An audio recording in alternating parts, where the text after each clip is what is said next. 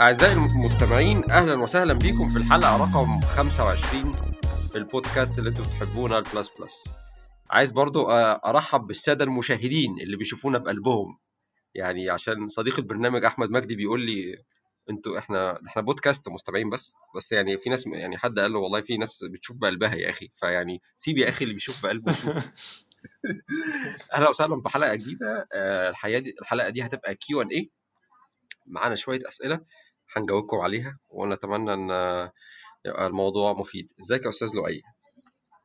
أستاذ ألفي الحمد لله. أنت عامل إيه؟ الحمد لله منور. إحنا الحلقة ال 23 مش ال 25 ال انت قلت أول مرة صح؟ آه تاني مرة في السيج تاني؟ مش مشكلة. اتلخبطت. عقبال ما نوصل لل 100 يا أخي يعني أنا فص- عارف. يعني آه ده فعل الحلقات خير بتجري أنا عارف. إحنا بقالنا كده ست شهور. ده خلصنا شهر ستة يعني إيه؟ والحمد لله في ناس كتيرة feedback في الست شهور دي كان لطيف جدا. آه، الشهر اللي فات ده كان فيه ال download عالية بشكل significant. في ناس كتيرة ابتدت آه، تسأل عن حاجات تبعت حاجات. فالحمد لله الدنيا كلها بقت لطيفة أكتر. آه، زي ما قال ألفي النهاردة هيبقى معانا حلقة ان اي نشكر كل الناس اللي, بعتت آه، الأسئلة من خلال ال form. وأعتقد عشان برضو عشان وقت الحلقة فنبتدي على طول في الأسئلة. اتفضل يا أخ ألفي. قبل ما نبتدي الحلقة عايزين برضو بس نقول آم، في عندنا newsletter إحنا بعتنا تاني حلقة منهم آه، أو تاني batch منهم آه، امبارح. فلو عندكم أي feedback عن newsletter حابين نشوف فيه حاجة مختلفة يا ريت تنورونا في ال comments في ال discussions ده طيب حقيقي ننتقل إلى الأسئلة. عندنا سؤال من صديق البرنامج أيوب بيسأل أقترح عمل حلقات. وأيوب الأول بيشكرنا. شكرا جدا يا أيوب. بيقترح عمل حلقات مخصصة ل Angular و React و Vue إحنا عندنا فكرة إن إحنا نعمل فعلا حاجات زي كده ليها علاقة بال frameworks وأعتقد يعني هيبقى عشان تبقى أقصى استفادة هنجيب حد يكون specialized في في frameworks معينة مش لازم بس يعني front end بس لا إحنا برضو we'd be interested أكتر في, في كل حاجة يعني back end و front end وما إلى ذلك. وفي نفس الوقت هنبقى هنعلن عن وقتها الحلقات دي إن هي هتحصل يعني عشان ناخد أسئلة منكم عشان لو في أسئلة الناس المفترض إن هم experts اللي هيبقوا معانا في الحلقات يقدروا يجاوبوا عليها. فجزء من الحلقة يبقى هما بيتكلموا عن specific topic مثلا في ال frame ثم بعد ذلك يبقى بنجاوب على الأسئلة بتاعتكم.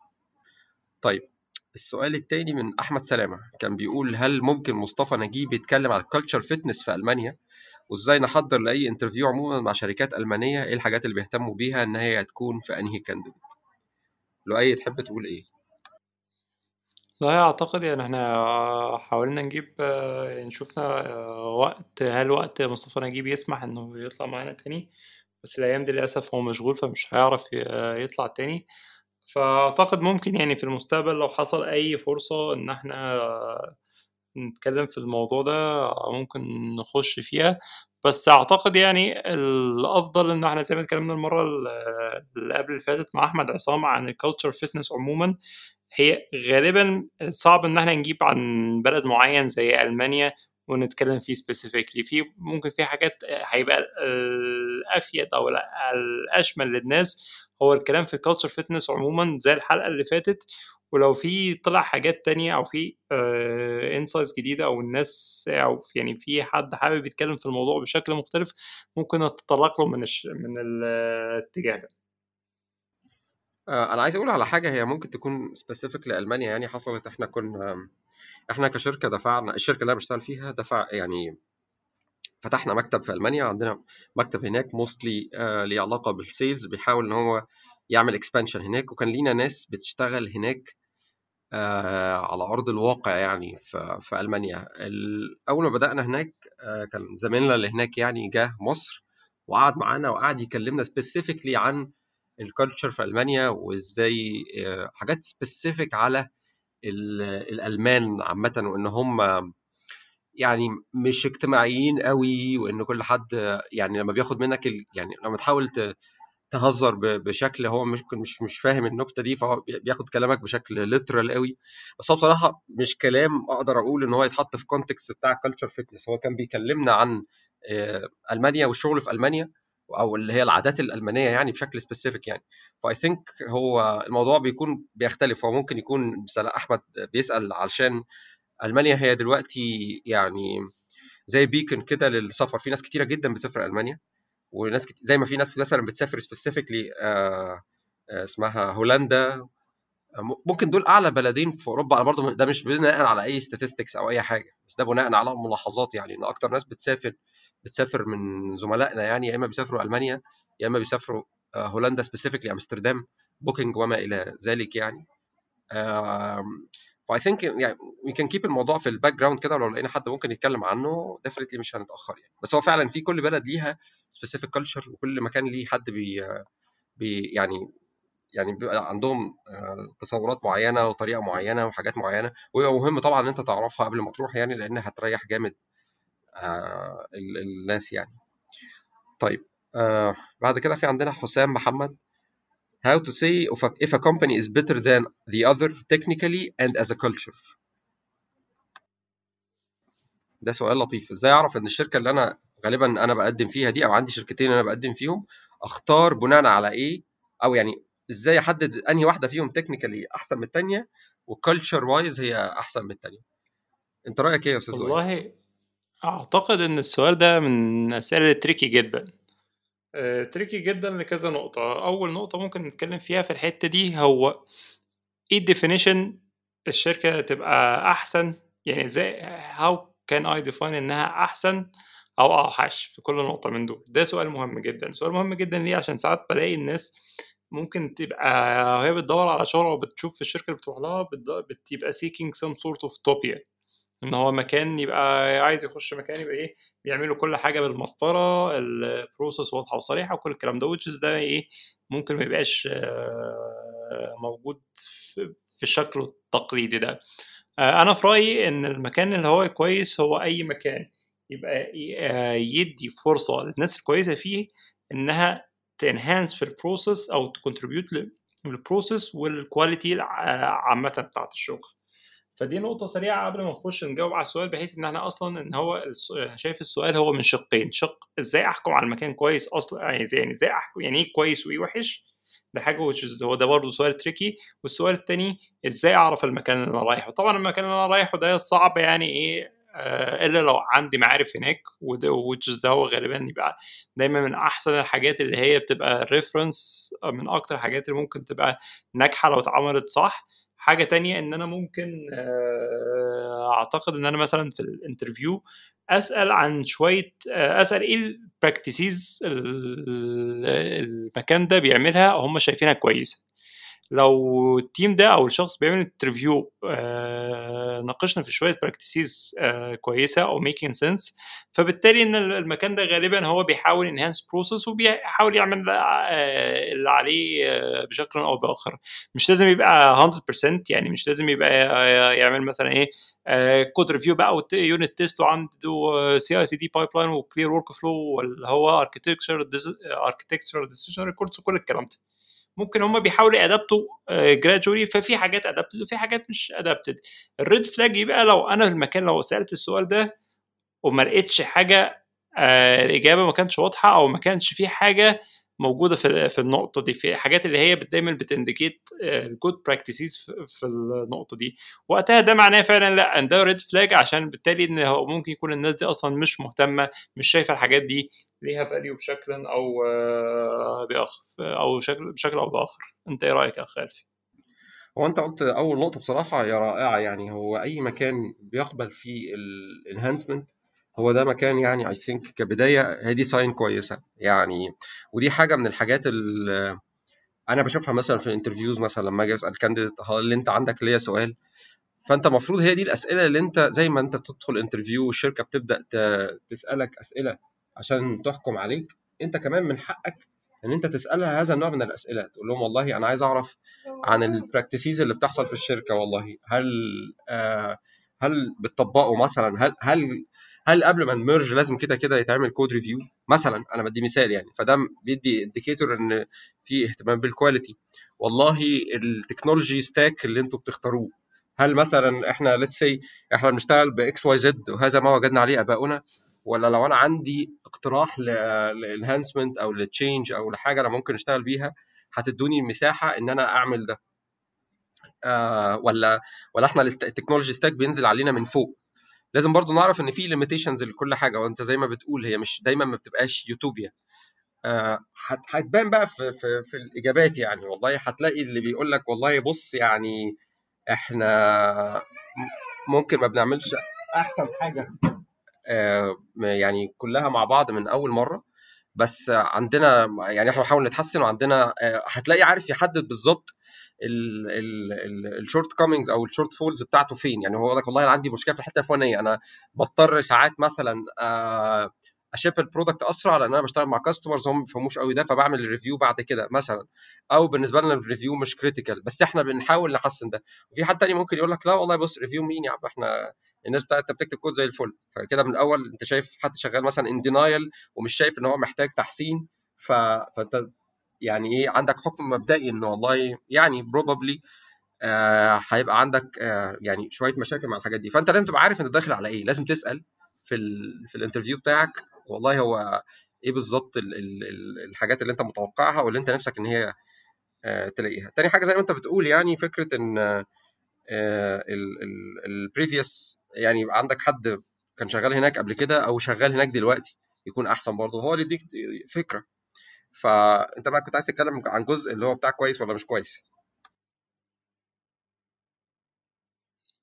ده حقيقي أعتقد ممكن ننتقل للسؤال اللي بعديه آه لا أنا أنا آسف أنا فكرتك بتقول أنت لسه في جزء عايز تتكلم عنه اللي هو بتاع والله كويس ولا مش آه. مش كويس آه اللي أنا آه آه. برضه أقول لك برضه شوية حاجات اللي أنا متخيله برضه إن أنت let's أنت بتعمل interview في مكانين آه أنت محتاج تسأل الاسئله دي وتاخد الأسئلة دي وتاخد الإجابات برضه محتاج تبقى عارف آه يعني برضه مين اللي شغال هناك. أنت لو هتشتغل مع حد كويس فأنت غالبا هتتعلم منه وهتستفيد منه. أو وجود شخص كويس في المكان بيدي سمعة طيبة إن المكان ده بي apply practices كويسة هو يعني بيئة جاذبة للناس الشاطرين. ودايما الشطار بيحبوا يشتغلوا مع الشطار فمش هتلاقي حد كويس قاعد في مكان هو مش مش حلو يعني.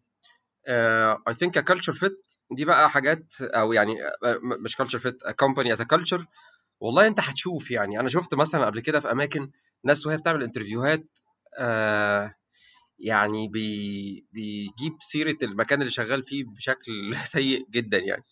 فدي بتبقى يعني بالنسبة للشركة هي حاجة warning شوية. أنت حاول إن أنت بس دي otherwise دي الناحية الثانية آسف اللي هي other side بتاع ال company لا خلينا نقول إن أنا لو أنا عايز أعرف المكان ده ال culture فيه كويسة ولا لأ والله أنا هبص على شوية حاجات كده وأشوف هي بتتناسب معايا ولا لأ يعني يعني طبعا إحنا دلوقتي في زمن الكورونا يعني ومعظمنا شغالين من البيت بس قبل كده كان مثلا فكرة الشغل مثلا هل هل أنا مهتم إن أنا empower ال employee بتاعي؟ يعني إن يعني offer ليه السبل إن هو يطلع إنتاجية أعلى ولا أنا عمال أحاسبه مثلا هو جه الشركة الساعة كام ومشي الساعة كام و... وعمل toggle الوقت بتاعه قد إيه. والله يعني هل المكان فيه diversity وأنا داخله؟ يعني أنا مثلا بخش ألاقي الشركة كلها ناس نفس الشكل ولا أطياف مختلفة؟ الأطياف المختلفة دي بتعمل هارموني شوية ما يبقاش اللي هو بيئة جاذبة لنوع معين من ال... من الناس يعني. آه فأذكر مثلا على سبيل المثال إحنا أول أول ما بدات اشتغل في روبوستا إحنا كان كلنا أولاد. وكانت الموضوع صعب شوية عشان كان مفيش بنت تحب تشتغل في مكان كله أولاد وكنا يعني بنقعد قاعدين في الشغل لغاية متأخر وكلنا نفس الشكل تقريبا بسن متقارب وكده. مع الوقت الموضوع بدأ يختلف بدأ يجي ناس أكتر وبدأت يعني الموضوع يبقى diversified بدأ يبقى أحسن حاجات جوه الشركة. في ناس بتوافق عليها وفي ناس ممكن تبقى مش متفقة معاها قوي بس يعني في النهاية دي حاجة بتقول إن المكان ده قادر يستوعب ناس ب cultures مختلفة وبثقافات يعني بطباع مختلفة فدي حاجة ممكن تبقى كويسة يعني بدل ما يبقى أنت بيتحكم عليك مثلا ب... بإن أنت لازم تبقى يا شبهنا يا لأ. ف I think إن دي حاجات آه، يعني محتاج تبقى بت- بتبص عليها برضو. مش عارف برضو ال definition بتاع ال culture في المكان ده كويسة ولا لأ. عندك أي حاجة تانية ممكن تقولها؟ مش عارف. يعني فكرة culture دي بس يعني هو آه. اعتقد إن الموضوع نفسه هيبقى ك... يعني في كلام كتير وكبي... ويعني إيه هم- تفرعاته كتير. فبرضه عشان الوقت إحنا ممكن ننتقل للأسئلة التانية و... آه fine مفيش ونحاول في مشكله الحلقات اللي آه اللي هي بتاعة ال hiring نركز في النقطة دي لو كانت آه، متاحة بشكل أو بآخر إزاي ن target ها يعني. okay. طيب. السؤال اللي معانا بعد كده سؤال. الس... آه. آه اتفضل. السؤال بعد كده سؤال طويل شوية من محمود. آه. تحب wrap انت السؤال ده؟ okay ماشي. آه، محمود بيسأل إن هو fresh CS grad عنده شوية knowledge Java و Android و interested في ال AI هل آه، هو في كذا نقطة سؤال. هو أول نقطة في السؤال هو إن إزاي يشوف إيه إيه المجال اللي هو هيبقى يفيد فيه أكتر ويبتدي يخش آه، فيه deeper والناحية التانية من السؤال هل آه، هل هو الأفضل إنه يبتدي يدور على شغل since إن هو fresh grad يبتدي يدور شغل من دلوقتي ولا يخش يتعمق في حاجة وياخد فيها كورسات ويذاكرها أكتر؟ آه، عشان يلاقي آه، شغل بيها فيها بعد كده. آه، هو حاسس انه يقول لك إن ال current skills set بتاعتي مش مناسبة لأي شركة فبالتالي آه، يعني هل يفضل فعلا أروح أخش dive deeper في في حاجة معينة ولا لأ؟ آه، هو مبدئيا أنت أنت مش هتعرف إذا كانت ال skill set بتاعتك هي enough أو مش مناسبة لأي شركة ولا لأ لغاية ما تبدأ تعمل interviews يعني يعني يعني بالظبط دي أهم نقطة. آه اتفضل. لا لا كمل كمل. يعني بس هحييك على النقطة دي عشان هي دي أهم نقطة أنت قلت في, في, في على إجابة السؤال ده. يعني في السؤال اللي فات كان في حد seeking utopia في ال في ال في ال culture وفي ال technology في عندنا ناس بت seek ال utopia في الحاجات اللي أنا محتاج أبقى بتعلمها عشان أقدر أشتغل. فأنا بصراحة شايف إن ده يعني أنت خلصت الجامعة خلاص ودي المكان اللي كان المفروض بيأسسك إن أنت تبقى software engineer وبيديك principles أنت تقدر تبني عليها وتبدأ تشتغل عليها لوحدك يعني. فأنا أنا بصراحة ب... اللي أفضله إن أنت ت... أو يعني عامة إن أكتر مكان أو أكتر حاجة الواحد بيتعلم فيها مش اللي هي القعدة بتاعت المذاكرة والتجارب و و و لا هي actually الشغل. يعني لو أنت حطيت دماغك مثلا إن أنت عايز أنت already معاك مثلا Java عشان اشتغلت Android فترة. طيب مبدئيا كده لو لو أنت ما عندكش اعتراض على Android ك platform أو كشغل ال mobile development يعني دي حاجة أنت interested إن أنت تعملها أو مش قافل عليها الباب والله روح. يعني ابدأ دور على أماكن فيها شغل ك Android especially إن Android developers هم كتير بس ال Android developers الشاطرين مش كتير.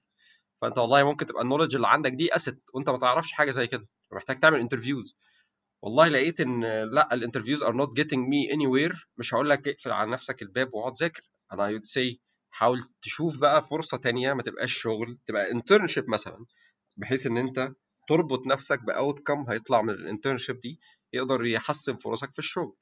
فبرضه مش الحل إن أنت تقعد تدور على الحاجة اللي أنا هشتغلها وأتعلمها وبعد كده أبدأ أشتغل. again برضه في أماكن ممكن أنا المكان اللي أنا بشتغل فيه واحد منهم إن لما حد بيجي يشتغل والله أنا ببص برضه على ال skill sets بتاعت الراجل ده الراجل ده في الجامعة اتعلم كذا وكذا وكذا و is interested into exploring مثلا في area زي ال back end أو ال DevOps fine تعالى.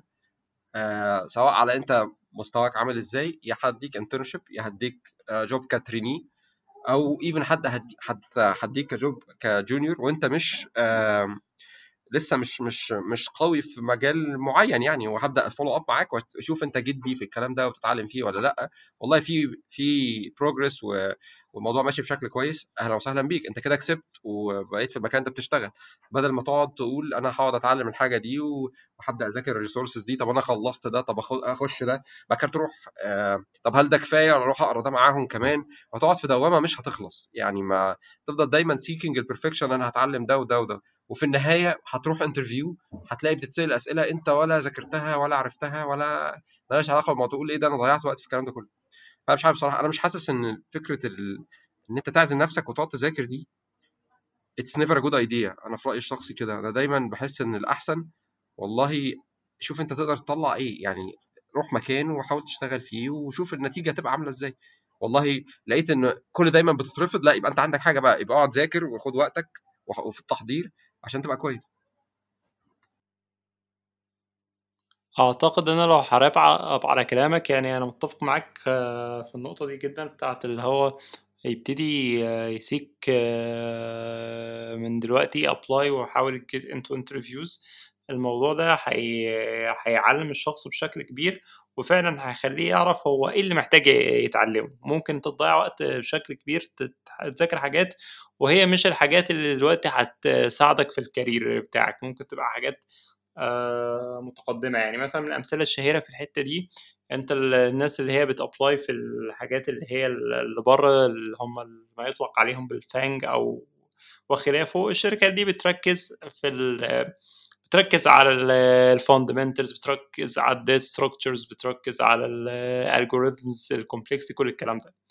أو وهو بياخد في الآخر بياخد a good software engineer وبعد كده بيعمل له fitting في حاجة من ال system عندهم.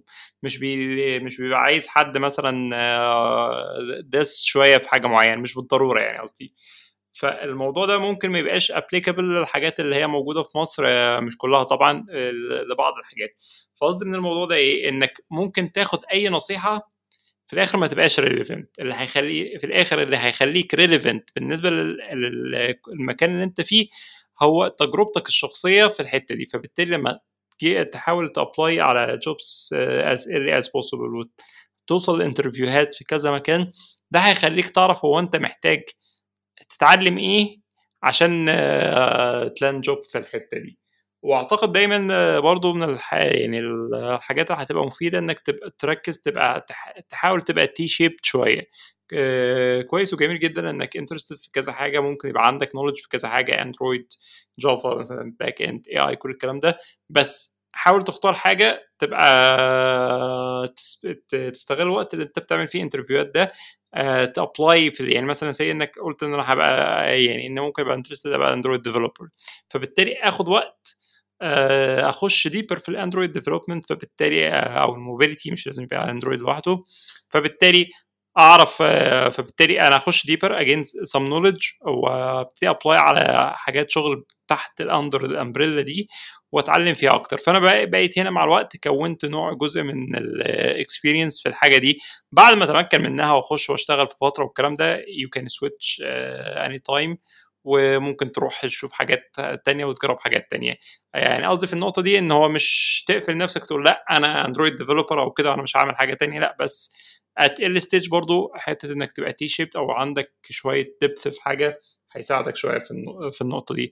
طبعا الحاجات اللي هي ال side projects والكلام ده هيساعدك إنك تتعلم بشكل كبير. ولما تروح تعمل interview في مكان وتقول يقول لك أنت عملت إيه قبل كده واسمه ده هتقول إن مثلا أنا حاولت أعمل X و Y و Z وكده اتعلم يعني ذاكرت الحاجات دي وعملت application X بيعمل كذا application Y بيعمل كذا أو مش ايا كان التجربة بتاعتك في النقطة دي فبالتالي ده هيوضح يعني هيساعدك أنت في ال knowledge وهيدي اللي قدامك انطباع إنك فعلا لأ دوست deeper في الموضوع شوية وأنت you can يعني هو يقدر ياخدك من النقطة دي النقطه متقدمة أكتر. طيب I think هو آه، برضو آه، سؤاله اللي في آه. الأول يعني هو هو في تشتت يعني هو هو في مرحلة ال exploration يعني فالغاية يعني هو محتاج يجرب في شيء وي- ويشوف يعني ومفيش مشكلة إن هو يغيره بعد كده يعني بس at least ياخد decision إن هو يركز فعلا في حاجة زي ما أنت بتقول وبعد كده يعني ممكن بقى يشوف يش- ي shift على شيء آخر يعني طيب في بعد كده عندنا س... أنا ما أعرفش ده سؤال واحد ولا اتنين من أحمد سلامة بس أنت كاتب أحمد سلامة مرتين probably هو نفس آه الشخص. آه آه probably نفس الشخص بس يعني جاي سؤالين فاين مفيش آه مشكلة. مش سؤال واحد آه. السؤال الأول آه، هو أحمد بيسأل إيه اللي لازم أكون عارفه ك software engineer عامة؟ وكموبايل خاصة لما أكون كملت ثلاث سنين ولو مش عارفها تبقى مصيبة. أنا حاليا سنتين ونص. وإيه الحاجات اللي يفضل تكون عندك؟ والله واضح إن أحمد يعني إيه هو لقى الوقت زنق وفاضل ست شهور فقال لك يخلص كل الحاجات اللي المفروض يبقى عارفها في ثلاث سنين في الست شهور الجايين. ف أنا آه، يعني تحب ان أنت أنت لؤي أنت اشتغلت آه. ال mobility صح؟ آه اشتغلت أنا آه، بداية ال career بتاعي كان في ال mobility. فممكن أبتدي آه، أرد على السؤال ده من ما تفكر أنت في الرد بتاعك. آه، طبعا أنا اشتغلت في ال mobility كنت iOS في فترة حوالي من 10 سنين. الفترة دي كانت في أول أيام ال iOS كان لسه ما فيش ال garbage collection كان أياميها ال skeuomorphic design وكل الكلام ده. فممكن آه، كلها يعني أنا بقول الكلام ده ليه؟ عشان ده ممكن يكون ليه أثره في الإجابة اللي هقولها دلوقتي. فيعني اللي هياخد الإجابة دي برضه يعرضها على حاجات تانية أو يبص فيها بشكل مختلف ممكن الدنيا تكون اتغيرت شوية في الحتة دي. ف آه، بس دايما أعتقد لحد دلوقتي كمان ال memory management من أهم الحاجات في ال mobility.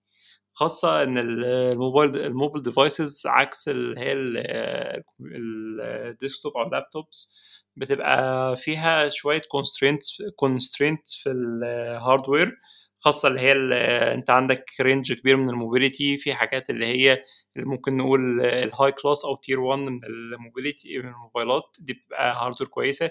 في tier 2 و 3 و 4 و 5 وحتى ال 6 دي ممكن تبقى ال technical specs بتاعتها قليلة.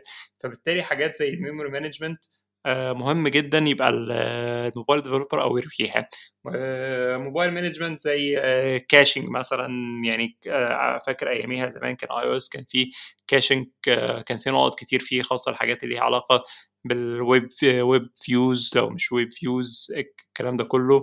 حاجات آه، وقتها كان مشهورة زي اللي هي ال abandoned memory leaks memory leaks الكلام ده. كل دي بتأثر على performance ال application في الآخر أنت application عايز إن الشخص اللي بيستعمل ال application ده مش عايز إن هو ال OS يكل يعمل killing لل application due to a memory uh, bad memory consumption أو hardware uh, inefficiency أو أي حاجة كده.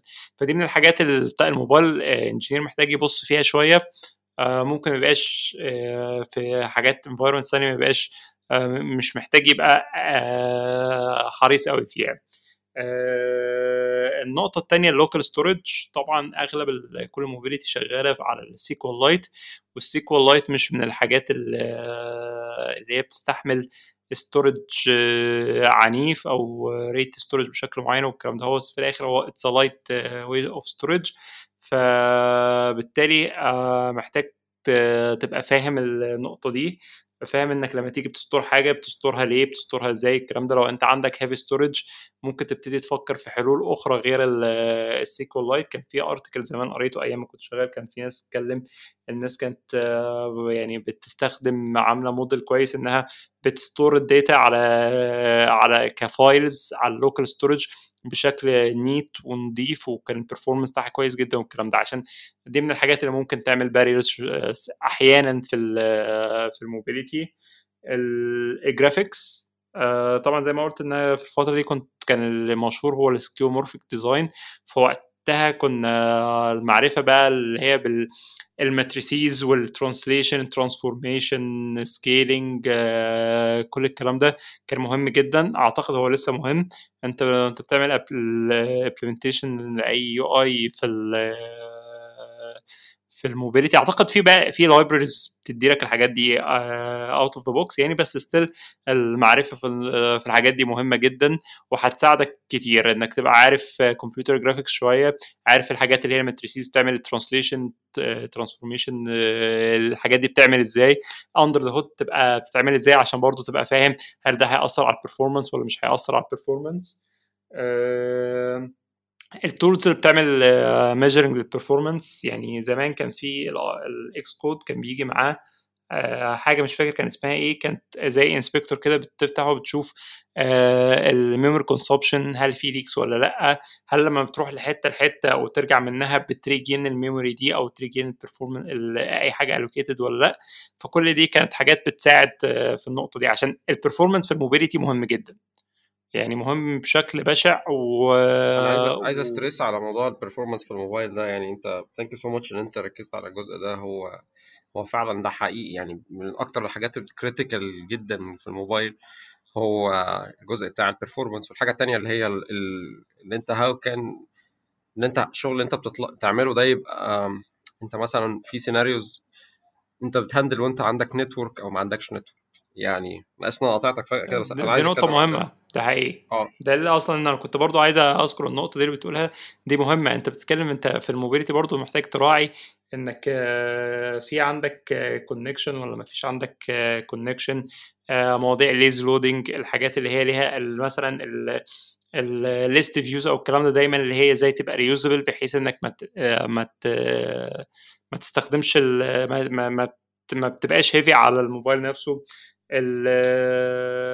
حاجات زي ال multi-threading طبعا مهم جدا عشان أنت ممكن تبقى تحتاج تعمل كذا operation at the same time فإزاي ال operations دي ما تعملش أي deadlock في الموضوع. فكلها أعتقد حاجات ليها علاقة بالنقطة دي. كنت عايز تزود أكتر في ال... أنا أنا كنت عايز أقول على على يعني في حاجة برضه I think أنت ممكن تبقى قلتها بس عايز أ stress عليها أكتر اللي هي الحته بتاعت ال synchronization لما أنت بيبقى عندك في عندك آه، يعني ال application مثلا شغال وبعد كده let's إن أنت هت upload حاجة أو بت download حاجة مثلا فأنت أنت ممكن تعمل الموضوع بشكل يبقى بي conserve ال bandwidth أو. خلينا نقول الباقة بتاعة المستخدم وفي حل تاني ممكن يبقى doesn't care about أي حاجة من الحاجات دي كنت سمعت الكلام ده قبل كده من هاني بركات هاني بركات كان مسؤول عن Messenger media ال media اللي في ال Messenger software engineer في فيسبوك فكان بيتكلم معانا قبل كده عن الكلام ده كان public يعني متاح إن الواحد ينشره يعني. إن لو أنت بتعمل حاجة فأنت بت keep ال state بتاعتها عشان تقدر ترجع تكمل منها في وقت تاني. لو في operation failed you are not restarting ال whole operation من تاني. كانوا بي serve وا assets و data بناء على آه آه نوع ال connection لو أنت عندك ممكن تعرف الراجل ده داخل من 4G ولا داخل من 3G ولا داخل من واي فاي فتقدر إن أنت تديله أحسن experience يعني لو واي فاي اديله full مش عارف إيه. مش بتكلم على specifically على ال data synchronization بس بتكلم على ال principle بتاع إن أنت تبقى أنت بتاخد بالك من الكلام ده. يعني لو أنت ال application فيه heavy data exchange ما بين ال mobile app بتاعك وال... والانترنت يبقى أنت واخد بالك من الحاجات دي. دي حاجات I think إن هي مهمة لأن هي بتحسن جدا ال experience بتاعت المستخدم بتاعك وهي معرفتك بيها مهمة زيها زي ال performance وال memory management وهذا الكلام. قبل كده كان برضو في زميل ليا في كان بيعمل code review لواحد من الزملاء آه وكان مثلا هو في ال code review ما كانش بيبص على كود كان بيبص على إن كان في حاجة زي map مرسومة ب SVG وفيها pins وال pins دي عليها صور وكانت آم، يعني ال data دي كانت مثلا كان اكتشفنا إن حجمها حجم ال pins عدد ال pins مهول جدا على ال map فكان أول ما بتفتح الكلام ده على device يكون قديم شوية الجهاز بيبدأ يموت وممكن فجأة ال application ي run out of memory وال mobile آه، يضطر إن هو ي terminate ال processes عشان يشتغل. فهو حل الكلام ده لأن هو مثلا آه، يعني غير الطريقة اللي الموضوع مكتوب بيها خلى بدل ما هو بياخد آه، يعني بي instantiate مثلا pin واحدة كل مرة فهو لأ هو بقى عنده pin واحدة في ال memory بي refer ليها فهو كده يعني تقدر تقول إن هو يعني بقى إيه بالنسبة له طبق مثلا ال يعني object oriented design بشكل مظبوط أكتر وعمل conserve لل memory بشكل عنيف جدا بقى even ال application بيشتغل على devices قديمة وتعبانة more smooth عن لو ال solution القديم على device جديد. فأنت معرفتك برضو مثلا بال بال بال object oriented design وال principles دي حق- وت- وال- إن أنت تطبقها دي حاجة آه، هتكون مهمة. I think لؤي أنت اتكلمت in general أو أنت اتكلمت specifically على حاجات ليها علاقة بال بالموبايل. أنا ممكن أكون عايز أتكلم شوية عن حاجات generic شوية. يعني أنت بتشتغل بقالك ثلاث سنين تقريبا.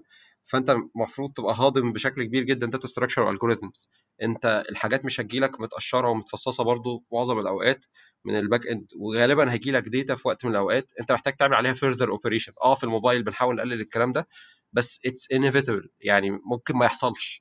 فانت محتاج تبقى عارف ال data بتاعتك محتاج ت represent ها بشكل عامل إزاي. إيه أحسن structure يضمن لك أحسن كفاءة في ال memory ويضمن لك أحسن ease of access وحاجات كده كتير. في ال mobile applications I think ال algorithms مهمة لأن في حاجات كتيرة أنت بتعملها على الموبايل نفسه ما بتروحش تستنى ال back end بيعملها لك. ف I think أنت محتاج تبقى عارف ده وده ده, ده كلام generic يعني ينفع لأي software engineer يعني. I think برضو آه، في حاجة من ضمن الحاجات يعني specially لو أنت داخل بقى في وقت آه، متقدم شوية فأنت محتاج تبقى هارس ال IDE اللي أنت بتشتغل بيه. فلو انت مثلا Android فانت محتاج تبقى عارف مثلا IntelliJ أو Android Studio بشكل كويس وبتعرف يعني تعمل debugging وتحط debuggers و breaking points مش print statements آه، وانت عارف ال shortcuts هل تعرف ت automate بعض من ال processes بتاعتك أو الحاجات اللي انت بتعملها بشكل يومي ولا لأ؟ نفس الكلام لو انت iOS محتاج تبقى بتعرف نوع من أنواع ال scripting يعني ال scripting ده انت بتكتب مجموعة من ال scripts عشان تسهل في حياتك الكلام ده عامة. يعني أذكر مثلا لؤي أنت كنت قلت لي قبل كده عن آه، الحاجة اللي أنت كنت كاتبها علشان ال workflow بتاعكم بتاع Git صح؟ ده كان bash script آه. آه ده حقيقي. دي حاجة هتساعدك إحنا أنا مثلا في زملاء ليا مثلا كنا دخلنا project قبل كده عايزين automate ال build process تماما بتاعة آه، mobile app فالناس دي ما كانتش اشتغلت في حاجة زي قبل كده زي دي كده قبل كده. بس معرفتهم معرفتهم ب bash وال scripting قدروا إن هم ي set up وا pipeline دي mobile developers ولا هم DevOps ولا آه يعني حاجة specific إن هم كانوا بيشتغلوا حاجة زي كده. قدروا يعملوا set up ل pipeline بيشتغل بشكل معين بيقرأ configuration من files و automated كل حاجة ال build وال submission وال review يعني ما فيش أي processes manual محتاجة تحصل غير ممكن حاجة في الأول دي عشان ما فيش طريقة automate بيها. الكلام ده على level iOS و Android ما جاش حد فيهم وقال أنا ما أنا دي مش بتاعتي أو أنا يا جماعة ما بعرفش أعمل الكلام ده. لأ هو bash okay هدوس ما فيش مشكلة بس bash ده generic I think حاجة من ضمن الحاجات برضو هي أنت آه مش بتاع backend بس هي لازم يبقى الناس كلها عارفاها even حتى الناس بتاع ال backend و mobile frontend I think ال database يعني أنت محتاج تبقى عارف relational databases بتشتغل إزاي. آه، ده هيفيدك جدا جدا في الطريقة اللي أنت بت store بيها ال data بشكل local لو أنت بت store data بشكل كبير وأنواع ال joins وما, وما إلى آه، ذلك يعني. أنا كان في حاجة بتديني general sign كده عن الشخص اللي قدامي هو ده software engineer شاطر ولا ده واحد هاكر بيشتغل ب tool بس ما يعرفش أكتر منها؟ لما بيقع في مشاكل generic specific ل operating system مثلا فتلاقي حد والله يقول لك والله أنا Ubuntu عندي مش شغال فيه مشكلة. أيوه إيه المشكلة؟ أنت حضرتك يعني software engineer انت مش من يعني مش انت الشخصية اللي لازم تنتظر لما يجي لك ال IT administrator في الشركة عشان يصلح لك ال operating system بتاعك. لا it's your own duty it's your own job ان انت تاخد بالك من الحاجات دي. فانت عارف ال machine بتاعتك شغالة إزاي. يعني يعني دي روحك. يعني فاهم اقصد إيه؟ آه أنا كنت بصراحة دي بالنسبة لي كانت بتبقى warning sign سيئة جدا. مثلا ألاقي حد مثلا بيجي يشتغل وهو مثلا let's بيشتغل ب Git مثلا. فيجي له مثلا مشكلة سببها إن إن ال SSH key بتاعه مش موجود على ال server وهو بي clone من SSH من مش من HTTP لأن ال machine جديدة وهو واقف clueless تماما قدام حاجة زي كده. فدي حاجة بصراحة يعني أنت محتاج تبقى عارف الكلام ده محتاج تبقى عارف ال methods of authentication ما بينك وما بين ال server الحاجات دي يعني ما, ما تبقاش أنت بتقف فيها كده وما بتعرفش فيها حاجة لأ يعني مش عارف دي ممكن تكون حاجات ال Git آه. وذكر ال Git في الحتة دي دايما بحس إن إيه برضه بالنسبة لي indication لو حد مثلا عمل بيعمل حاجة في branch معين وعايز مثلا إيه آه يشوف حاجة تانية في حتة معينة فاللي هو إيه عايز مثلا ي stash ويروح ي switch ويلعب في حاجة بيبص لحاجة معينة ويرجع تاني مثلا. الشخص اللي تلاقيه بيخاف يعمل كده أو مش familiar في اللي هي إيه مش آه، اللي هو كل معرفته في ال Git اللي هي إيه بعد ما تخلص اعمل git add git commit وبعد كده اعمل push وانت كده كمان تمام أو في الآخر ممكن تعمل pull ولو في conflict وتعمله. آه، أنا بالنسبة لي Git لا Git أكتر من كده بكتير. فالشخص اللي هو بيبقى تعامله مع ال Git ده بس بالنسبة لي it's red flag محتاج لا انت محتاج ت invest أكتر محتاج تفهم ال Git أكتر عشان انت وارد جدا يجي لك مشاكل كتير أو challenges كتير في ال source control انت من مسؤوليتك إنك تحلها. بالظبط. أنا أنا في شفت ناس وهي بتشتغل لما كان بيحصل merge conflict أو حاجة كان بي بيدور على حد في الشركة يقول يا جماعة أنا محتاج حد يحل لي ال conflict هو ده ال conflict ده حل حل ال conflict ده ال responsibility بتاعتك أنت. يعني وشفت مثلا مشاكل بتحصل إن الناس بتفضل شغالة في ال branches بتاعتها لأن هم مش متعودين يشتغلوا مع بعض مثلا أو يعني جه حد مثلا عمل حاجة ف يعني غير حاجة في ال repository عمل مثلا rebase لشيء ما فهم بقوا واقفين الدنيا بقت مش عارفين نعمل إيه وإزاي ن resolve حاجة زي كده. أو أديك مثال أسوأ. أنا في وقت من الأوقات لما كان Vim بيفتح أنا كنت أشوف حد في الشركة يقفل لي Vim ودي كانت مأساة. يعني أنا ده كان هبل طبعا يعني ده ده كان في مرحلة يعني لأ طبعا يعني المفروض تبقى familiar ب editor أنت غير اللي أنت بتشتغل بيه مش اللي هو يعني لو أنت let's say دخلت تعدل حاجة بسيطة جدا فمش هتقعد تفتح ال IDE وتقعد تعمل حاجة لأ ده هو تعديل كود بسيط. والله لو أنا قدامي Vim ولا قدامي نانو ولا أي editor من ال command line أنا بالنسبة لي دي حاجة يعني I should be using it I think إحنا اتكلمنا على آه آه، أنا عارف إن يعني إحنا محتاجين نتحرك في في ال- الأسئلة. عشان آه آه. عشان نلحق نرد طيب. على كل طيب. الأسئلة. ممكن آخر حاجة ممكن بس أقولها إن أنت تبقى competent في ال programming language بتاعتك. يعني تبقى أنت let's say دلوقتي أنت بتشتغل Java أو أو بتشتغل Kotlin في Android أنت محتاج تبقى مجرد عارف beyond ال syntax والحاجات بتتعمل إزاي ال basic operations لل advanced principles اللي في ال programming language بتاعتك. يعني دي حاجة المفروض تبقى انت familiar بيها و... و... و... وعارفها. ما يبقاش ال Java بالنسبة لك هي ال syntax وشوية الحاجات ال generic اللي لو سألت فيها أي حد. طيب هو عنده سؤال تاني آه، إنه نجاوب على السؤال ده برضه بشكل سريع. هو بيقول لو أنا ال mobile development الوحيد اللي في الشركة اللي حواليا والفرق التانية فيها senior junior هل المفروض أشوف مكان تاني ولا لأ؟ ولو ال option ده مش متاح عشان هو من سكان البحر الأحمر أطور من نفسي إزاي والاعتماد على نفسي واللي حواليا من باقي الفرق؟ تحب تقول حاجة لؤي؟ هو أعتقد نقطة قلناها في الواحد من الأسئلة اللي فوق كان هو حتة برضو ممكن تبقى هنا آه، نوع من أنواع التوبيا في إنك مش هقول توبيا بس إنك هقولها بشكل مختلف إنه ال probability إنك تلاقي mentor أو شخص كويس في الحتة اللي أنت شغال فيها دي آه، ممكن ما تبقاش عالية أو حتى لو ممكن نقول إن هو engineers تانية. فأنت still ده طبعا ده هيسهل لك كتير بس إن لم يوجد إنك مش مش هتعرف ما يعني ما تمشيش من غيره لأ هتعرف. هتعرف إنك آه، تطور من نفسك بس هتحتاج تشتغل أكتر على نفسك في الموضوع ده. هتحتاج تبقى تركز مثلا في بودكاست تقرأ articles أكتر في الحتة بتاعتك تخش ال community تشوف ال community فيه إيه تحضر meetups هتبقى more proactive في الموضوع ده. فهو هو challenge خلينا نبص عليه أكتر إن هو challenge أكتر منه إن هو it's red flag ولازم تتحرك. لا أنت ممكن يكون المكان اللي أنت فيه culture كويسة أنت المكان فيه potential كويس جدا في room of improvement في حاجات كتيرة. مش ده يبقى الوحيد العائق بالنسبة لك يعني. فممكن تشوف تحاول تبص على بصة أشمل على ال situation وتشوف هل أنت فعلا محتاج تشوف مكان تاني ولا لأ. خاصة لو هي يعني زي ما قلت إنها ممكن يبقى في هي في الآخر إنك لما تيجي ت evaluate مش هتلاقي كل حاجة في مكان واحد كويسة. فشوف ال pros and cons لو هي ده ال con الوحيد ممكن تتغلب عليه بشوية practices مختلفة. أنت إيه رأيك يا أخ ألفي؟ هو أنا second جدا الكلام اللي انت بتقوله specially أنا أصلا في أول ال career بتاعي كنت بشتغل لوحدي تماما يعني ك ما كانش معايا حد حتى بيعمل لي review يعني. أنا مش بقول إن إن ده كانت حاجة كويسة بس أنا قدرت إن أنا أتغلب عليها بالمذاكرة وبالقراية وبال following up قبل ما الكلام ده يكون popular يعني زمان.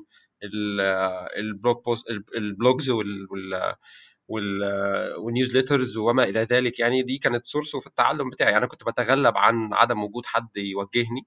بإن أنا طبعا ده كان بيأثر معايا لأن يعني ما كانش حد يوجهني في اتجاه يكون بيوفر عليا وقت.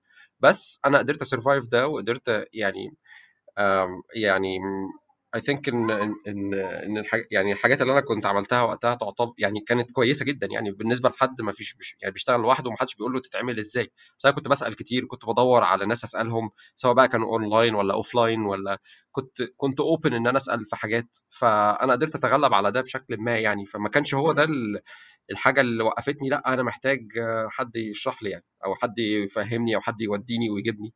فهو زي ما أنت بتقول هو الموضوع مش في سياق بس ده. يعني في حاجات تانية بتوزن والله. نفترض إن أنا بشتغل معايا ناس كويسين مثلا في في في فريق تاني. طب والله الناس دي أنا ممكن أستفيد منهم.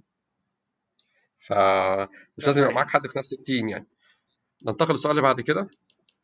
آه عبد الله بيسأل يا ريت حلقة عن الناس اللي عاملة shift للمجال ده أو إيه الخلفية بتاعتهم متوسط كام شهر عشان يوصلوا لأول شغل إيه اللي يركز عليه أكتر وإيه اللي يأجله وهكذا.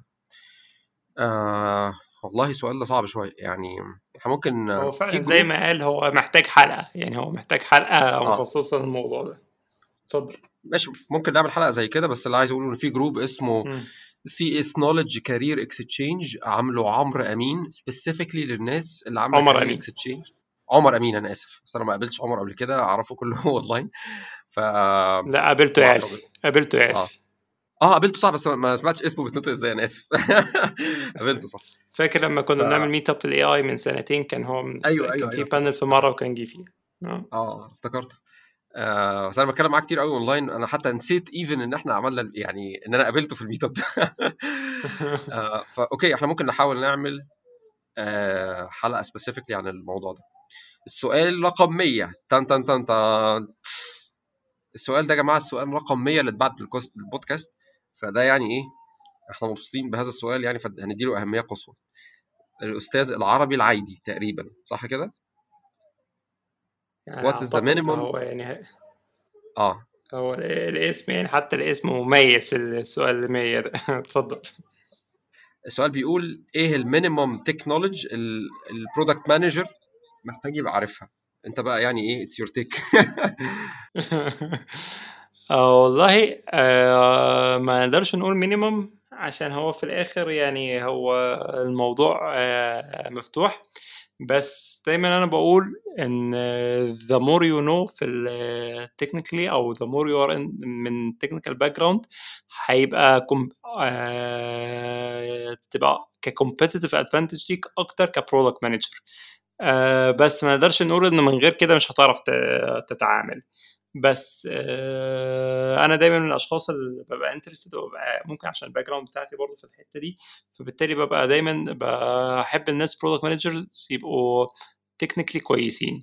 آه، ليه technically كويسين عشان آه، نقطة من الحاجات المهمة آه، أنا شايفها شخصيا إن أنت ك product manager تبقى محتاج تبص على ال product road map بتاع ال product آه، تعمل دايما evaluation إيه ال priority بتاعت الحاجات إيه الحاجات اللي هي ال quick wins ال quick wins دي دايما نسميها الحاجة اللي هي impact عالي و cost of development قليل.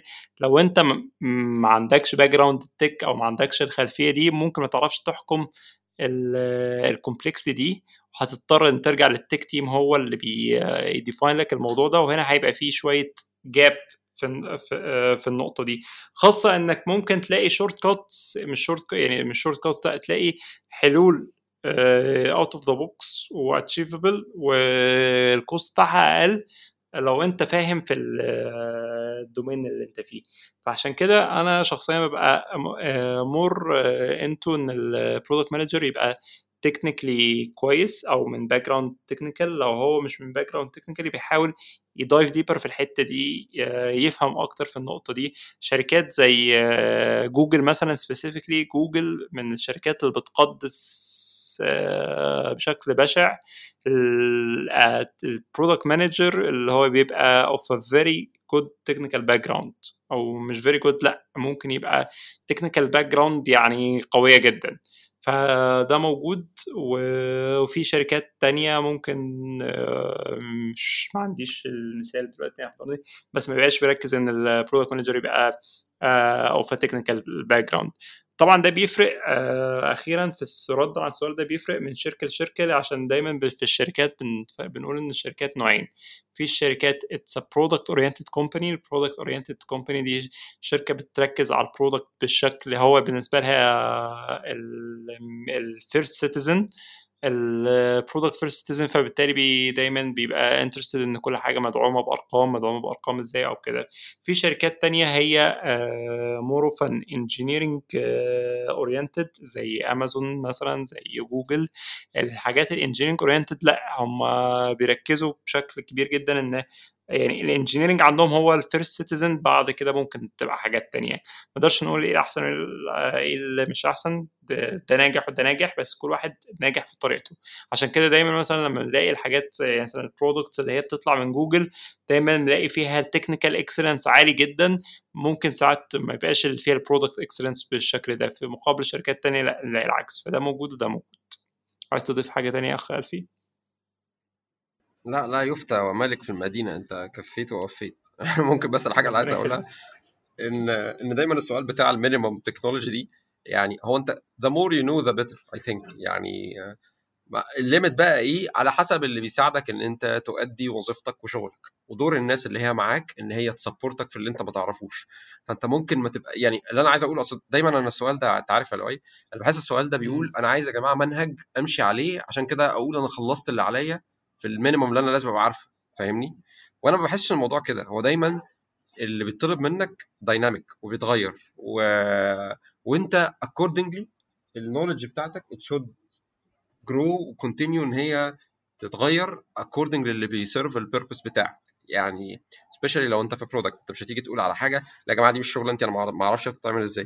ما أعرفش ده يمكن آه، يعني أنا حاسس إن الإجابة دي فاهم عاملة زي موضوع كده depends هي مايعه وملهاش معنى. أنا مش بتكلم أنا بتكلم على إجابتي أنا.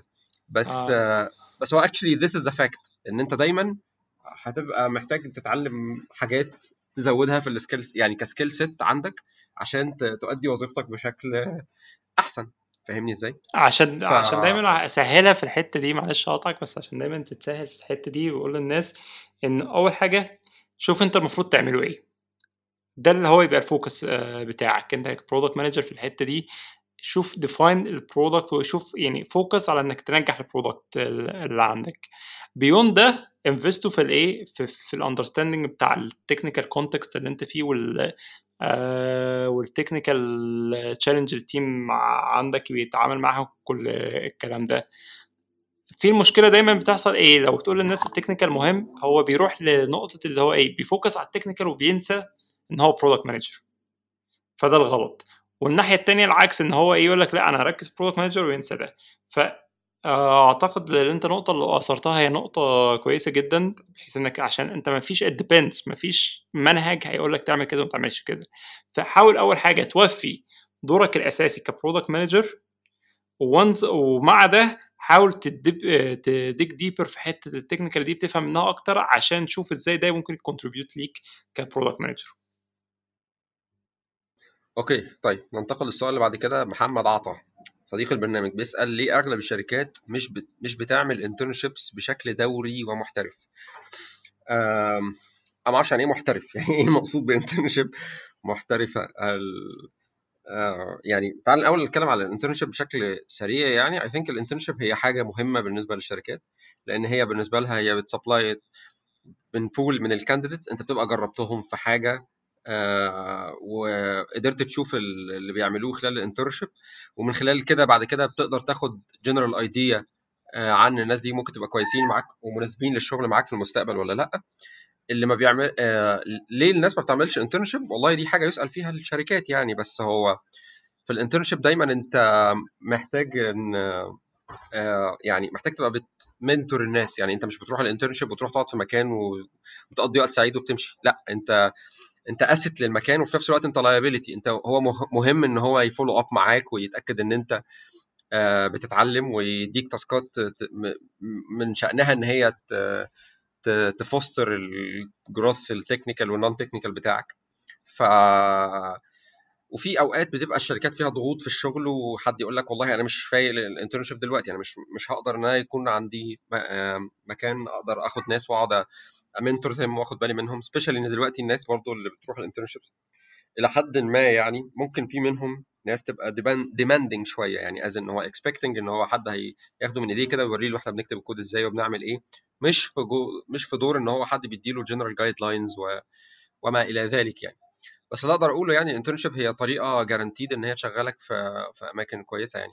even حتى في جوجل وفي فيسبوك انت من احد الطرق اللي انت تقدر تاخد بيه ان انت تقدر تشتغل ان انت لو successfully خلصت internship وكان عندك يعني عليك feedback كويسة. ده بيسهل لك كتير جدا جدا. يعني مبدئيا ال interviews اللي في الأول بتبقى vigorous شوية وكتير وصعبة. انت يعني ممكن ال interviews دي بتقل لو انت if you successfully finished an internship في المكان ده. ف ده دي كانت حاجة إحنا كنا بنسمعها يعني دايما يعني. فبالنسبة بقى موضوع الف... فكرة حاجة محترفة أو مش محترفة دي بصراحة. يعني صعب الإجابة عليها يعني ما... هي كل شركة بتعملها بالشكل اللي هي شايفاه مناسب ليها يعني.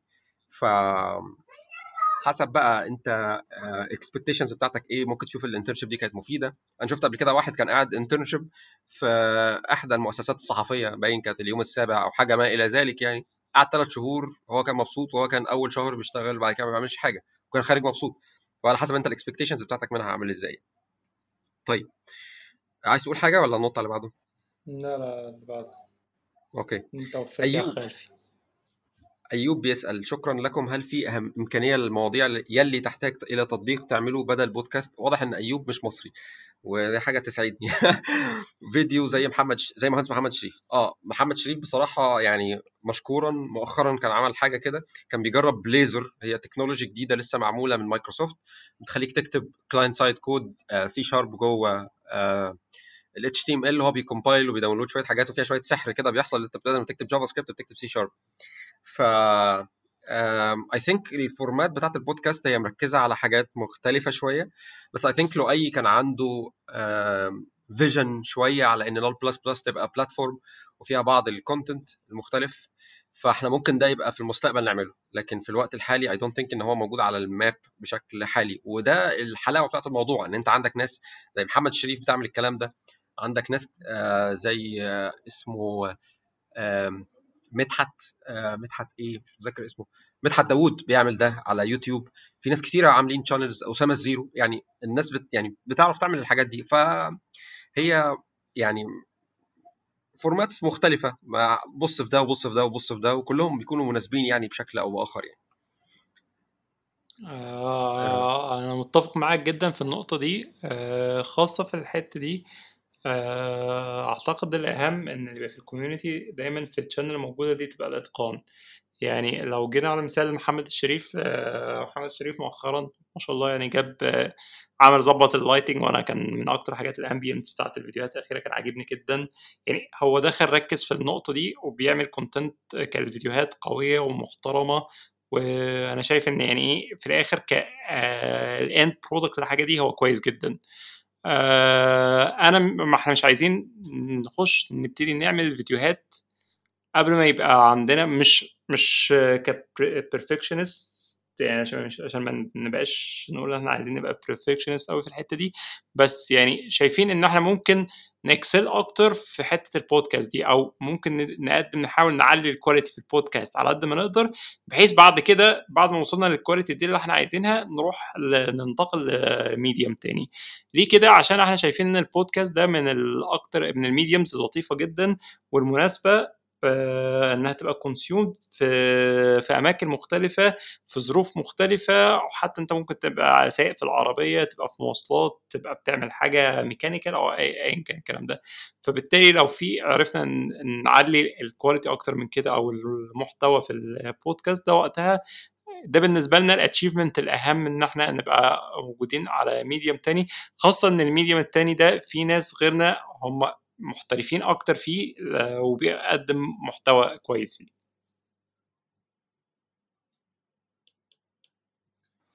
اوكي السؤال بعد كده من صديقة البرنامج لارا عماد I listened to you before talking about how learning is hard process and motivation only can be the reason I have to still study with passion but I want to ask uh, how prizing myself or challenging others or something else can solidify my passion to continue studying with a high motivation. طيب أم... أوكي رأي عندك أي تيك على هذا الجزء؟ بص تيك هو تويت كان عملها جيسون فريد من كام يوم. طبعا يعني مش عايز يعني مش بعيد عن ال hype بتاعت هي والخناقة بتاعت Apple والكلام ده. يعني أنا متابع الناس يعني DHH وجيسون فريد بتابعهم من زمان وساعات بيبقى ليهم أفكار كويسة. فمن ال tweet دي في الحتة دي كانت بتتكلم على انك انك you have to make progress in order to keep making progress. فده الحاجة دايما حتة اللي هي ال motivation والكلام ده أنت لو مش بتعمل progress في الحاجة دي أو ال progress ده بالنسبة لك مش materialized في الآخر هتوصل لمرحلة لأ هتزهق هتكسل أو هتوصلي أنا آسف إن اسمه هتوصلي لمرحلة هتزهقي هتكسلي فبالتالي مش هتكملي. فأعتقد ال take اللي أنا شخصيا يعني أنا برضو يعني I'm believing في الحتة دي دايما الحاجات اللي بعد كده بتأكيد أشوف نفسي بكمل فيها هي الحاجات دي اللي ب make فيها progress سريع. اللي هي مثلا إنك لو بتتعلم technology معينة بتعلم بحاول أتعلمها into practice أحطها into practice في حاجة معينة بحيث إن أنا إيه أعمل progress منها وبعد كده ال progress ده بيبقى ليه result فبالتالي إيه أكمل أتعلم فيها. لكن التعلم من غير حدود واضحة دايما بيبقى فيه مشكلة وبيبقى بيصعب الموضوع أكتر. فبالتالي أنا شخصيا بحاول التعلم ده بيبقى في context حاجة أنا دلوقتي يا إما شغال عليها أو ممكن أعمل فيها حاجة on the side كده أجربها. فبالتالي ده بالنسبة لي إيه ال return اللي يخليني أكمل أتعلم الحاجة دي. otherwise التعلم يعني حاجة حتى لو هي ممكن تكون مفيدة بس لو ملهاش context عندي في الوقت الحالي غالبا هيبقى صعب بالنسبة لي أتعلمها. إيه رأيك يا خلفي أنا والله كنت أقول نفس الحاجة اللي انت بتقولها بالظبط يعني إن هي it should be put in a context of حاجة أنا بعملها هطلع منها بفائدة في الآخر. مش معنى كده إن إن ما نشجعش التعلم من أجل التعلم بس اللي فعلا إن أعلى فايدة أو أعلى value أو اللي هي keep you motivated إن أنت هتلاقي إن لما تلاقي نفسك بتطلع output فعلا وفي العجلة بدأت تمشي هتلاقي إن انت you're more excited ان انت to continue ال journey بتاعتك في في في التعلم يعني. أنا كنت قلت لك قبل كده إن أنا مؤخرا كنت بتعلم شوية حاجات في ال back end وبصراحة the deeper I go أنا مبسوط أكتر. يعني أنا حاسس إن أنا actually شايف أنا أنا بعمل حاجة مش بتعلم اللي هو ماسك source أو reference وبذاكر منه وخلاص لأ أنا actually I'm building something on the side وشايف ال output بتاعه وشايف الحاجات اللي ناقصاني عشان أخلي ده زي ما أنا عايز. ف وده مساعدني جدا بصراحة أنا مبسوط منه. فأنا حاسس إن هي كده محتاجة تتحط في هذا ال context يعني يعني حاول تحط جول أو تحطي جول عايزة توصلي له تبني حاجة ك side project تقدري تشوفي منها ال outcome ده I think it will keep you motivated وهيخلي دايما يعني ال map بتاعت التعلم بترسم نفسها. يعني أنا دلوقتي عملت كذا طب أنا دلوقتي I want to achieve الحاجة الثانية ديت فهيبان وقتها أنا أنا محتاج أتعلم إيه؟ لأن إيه اللي ناقصني؟ أو آه والله أنا الحل بتاعي مثلا مش أكتر حاجة efficient. آه فأنا بصراحة شايف إن إن, إن يعني تكمله يعني كلامك يعني it makes perfect sense يعني. طيب. ننتقل للسؤال اللي بعديه. إحنا كده بقالنا ساعة تقريبا آه. فهنحاول نسرع ماشي شوية بحيث إن إحنا نرد. قدامنا شوية وقت. Okay fine آه. آه طارق حسن بيسأل مشاريع التخرج من وجهة نظر الشركات. إزاي أعمل مشروع تخرج كويس يفيدني بعد ما أتخرج؟ أنا بشوف السؤال ده كتير بصراحة بس أنا to be honest أنا ما ببصش أنا أنا ما أعرفش حاجة عن مشاريع التخرج. يعني ما بصيتش على شغل حد قبل كده يعني ال CV بتاعه شفت مشروع التخرج بتاعه. ممكن ممكن مثلا نتناقش فيه لكن أنا مش هطلب إن أنا أشوفه. ممكن أتناقش فيه أقول له طب مثلا لو هو if he brought الموضوع up to the table يعني هو قال والله أنا كنت عامل شغل كويس في مشروع التخرج كان في مثلا whatever بقى X Y Z هبدأ أتناقش فيه عشان أعرف هو ده إيه لكن هو عمله في شغل قبل كده مش في مشروع تخرج أو عمله في side project مش هيفرق معايا إذا كان مشروع تخرج ولا مش مشروع تخرج يعني. ف وأنا برضو مش لازم أنا أكون صح أنا بس يعني أنا بتكلم من ال experience بتاعتي من اللي أنا شفته. أنت رأيك إيه؟ بص هو أنا ببص على مشاريع التخرج في context واحد. هو context إيه؟ أول حاجة هو بيديني indication على الشخص ده. هل هو خد حاجة تقليدية عشان يقول لك إيه؟ حاجة نقلبها وننجز ولا هو شخص حابب يعمل حاجة مختلفة أو عايز ي challenge نفسه في حاجة مختلفة فاختار حاجة زي كده. فده أول indication تاني indication في الحتة دي دايما بنقول إن هو في الغالب أنت بتحب تشوف الناس اللي هي اللي بنسميها get things done. فمشروع التخرج لو هو الشخص ده كان هو حط لنفسه challenge طلع عن التقليدي وراح عمل حاجة challenging شوية فبالتالي هو لو خلصه أو وصل فيه الحاجة فده indication إن الشخص ده من الناس اللي هي get things done. دي حاجة. تاني حاجة نقطة في الحتة دي آه إن هو هبتدي أسأل بعدها إيه ال challenges اللي واجهتك واتعاملت معاها إزاي. في الآخر اللي هما السؤالين دول أو ال context ده بالنسبة لي هو اللي هي define الشخص اللي قدامي. فدي الحاجة الوحيدة اللي ببص عليها في مشروع التخرج هو الشخص ده هل كان مشروع تخرج تقليدي أو لأ هو كان حابب يعمل حاجة أو challenge نفسه في حاجة ويعملها. ده indication تاني indication هو اتعلم إيه من الموضوع ده؟ هل آه وصل لحاجة وتعامل مع ال challenges إزاي؟ بس.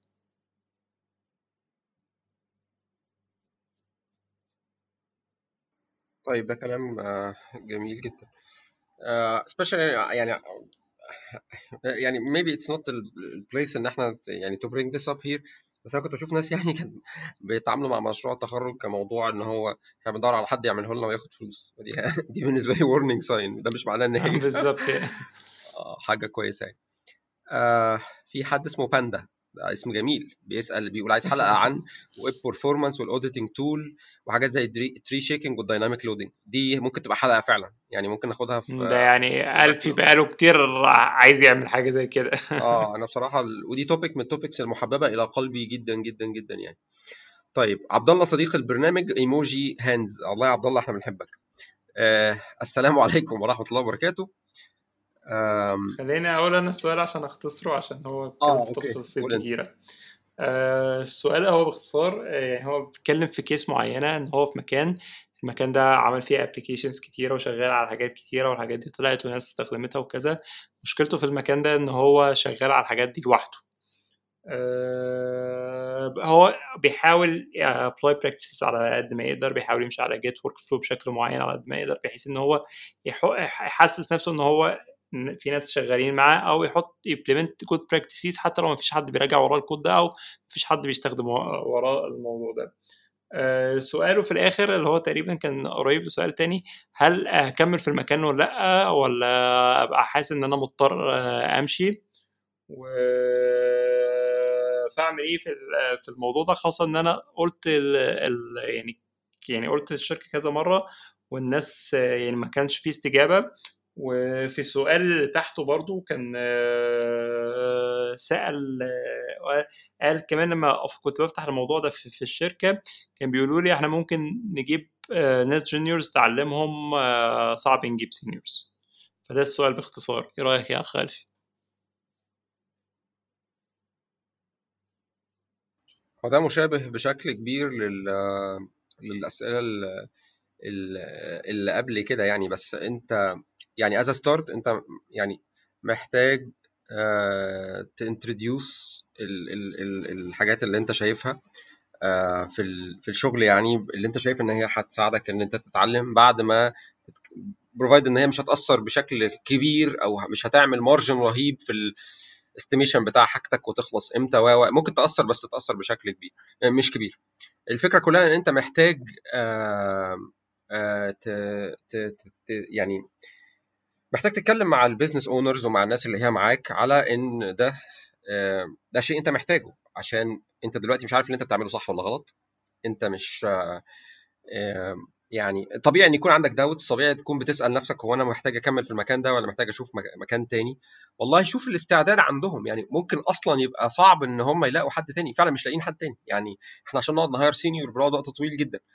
وبندخل كذا process وبعد كده بيجي لك أشخاص كتيرة هم بيقولوا seniors لكن هم في الحقيقة مش seniors وبتقعد وقت طويل جدا لغاية ما بتوصل لحد هو اللي يقدر يديك ال value اللي أنت بتدور عليها من شخص آه، ك senior يعني. فاللي أنت بتعمله إن أنت بتطبق الحاجات كأنك أنت يعني أنت بتقول أنت بتستخدم Git flow كأنك معاك team وما إلى ذلك. والله ده كويس ده مش حاجة وحشة. يعني ده at least أنت ممكن تقول والله أنا جربت ده وطلع عندي حاجات. آه، بالنسبة لفكرة إن أنت آه، تبعت تطلب code review من حد تاني هو actually في website زي Stack Overflow موجود على Stack Exchange ممكن نحط ال link بتاعه في ال show notes الناس بتحط الكود بتاعها وب ت seek feedback يعني تقول للناس والله يا جماعة إيه رأيكم مثلا في ال algorithm اللي أنا كتبته ده؟ أو هل في أي حاجة ممكن حد عنده ليها عليها comment آه، ممكن تحسن أو حاجة زي كده يعني.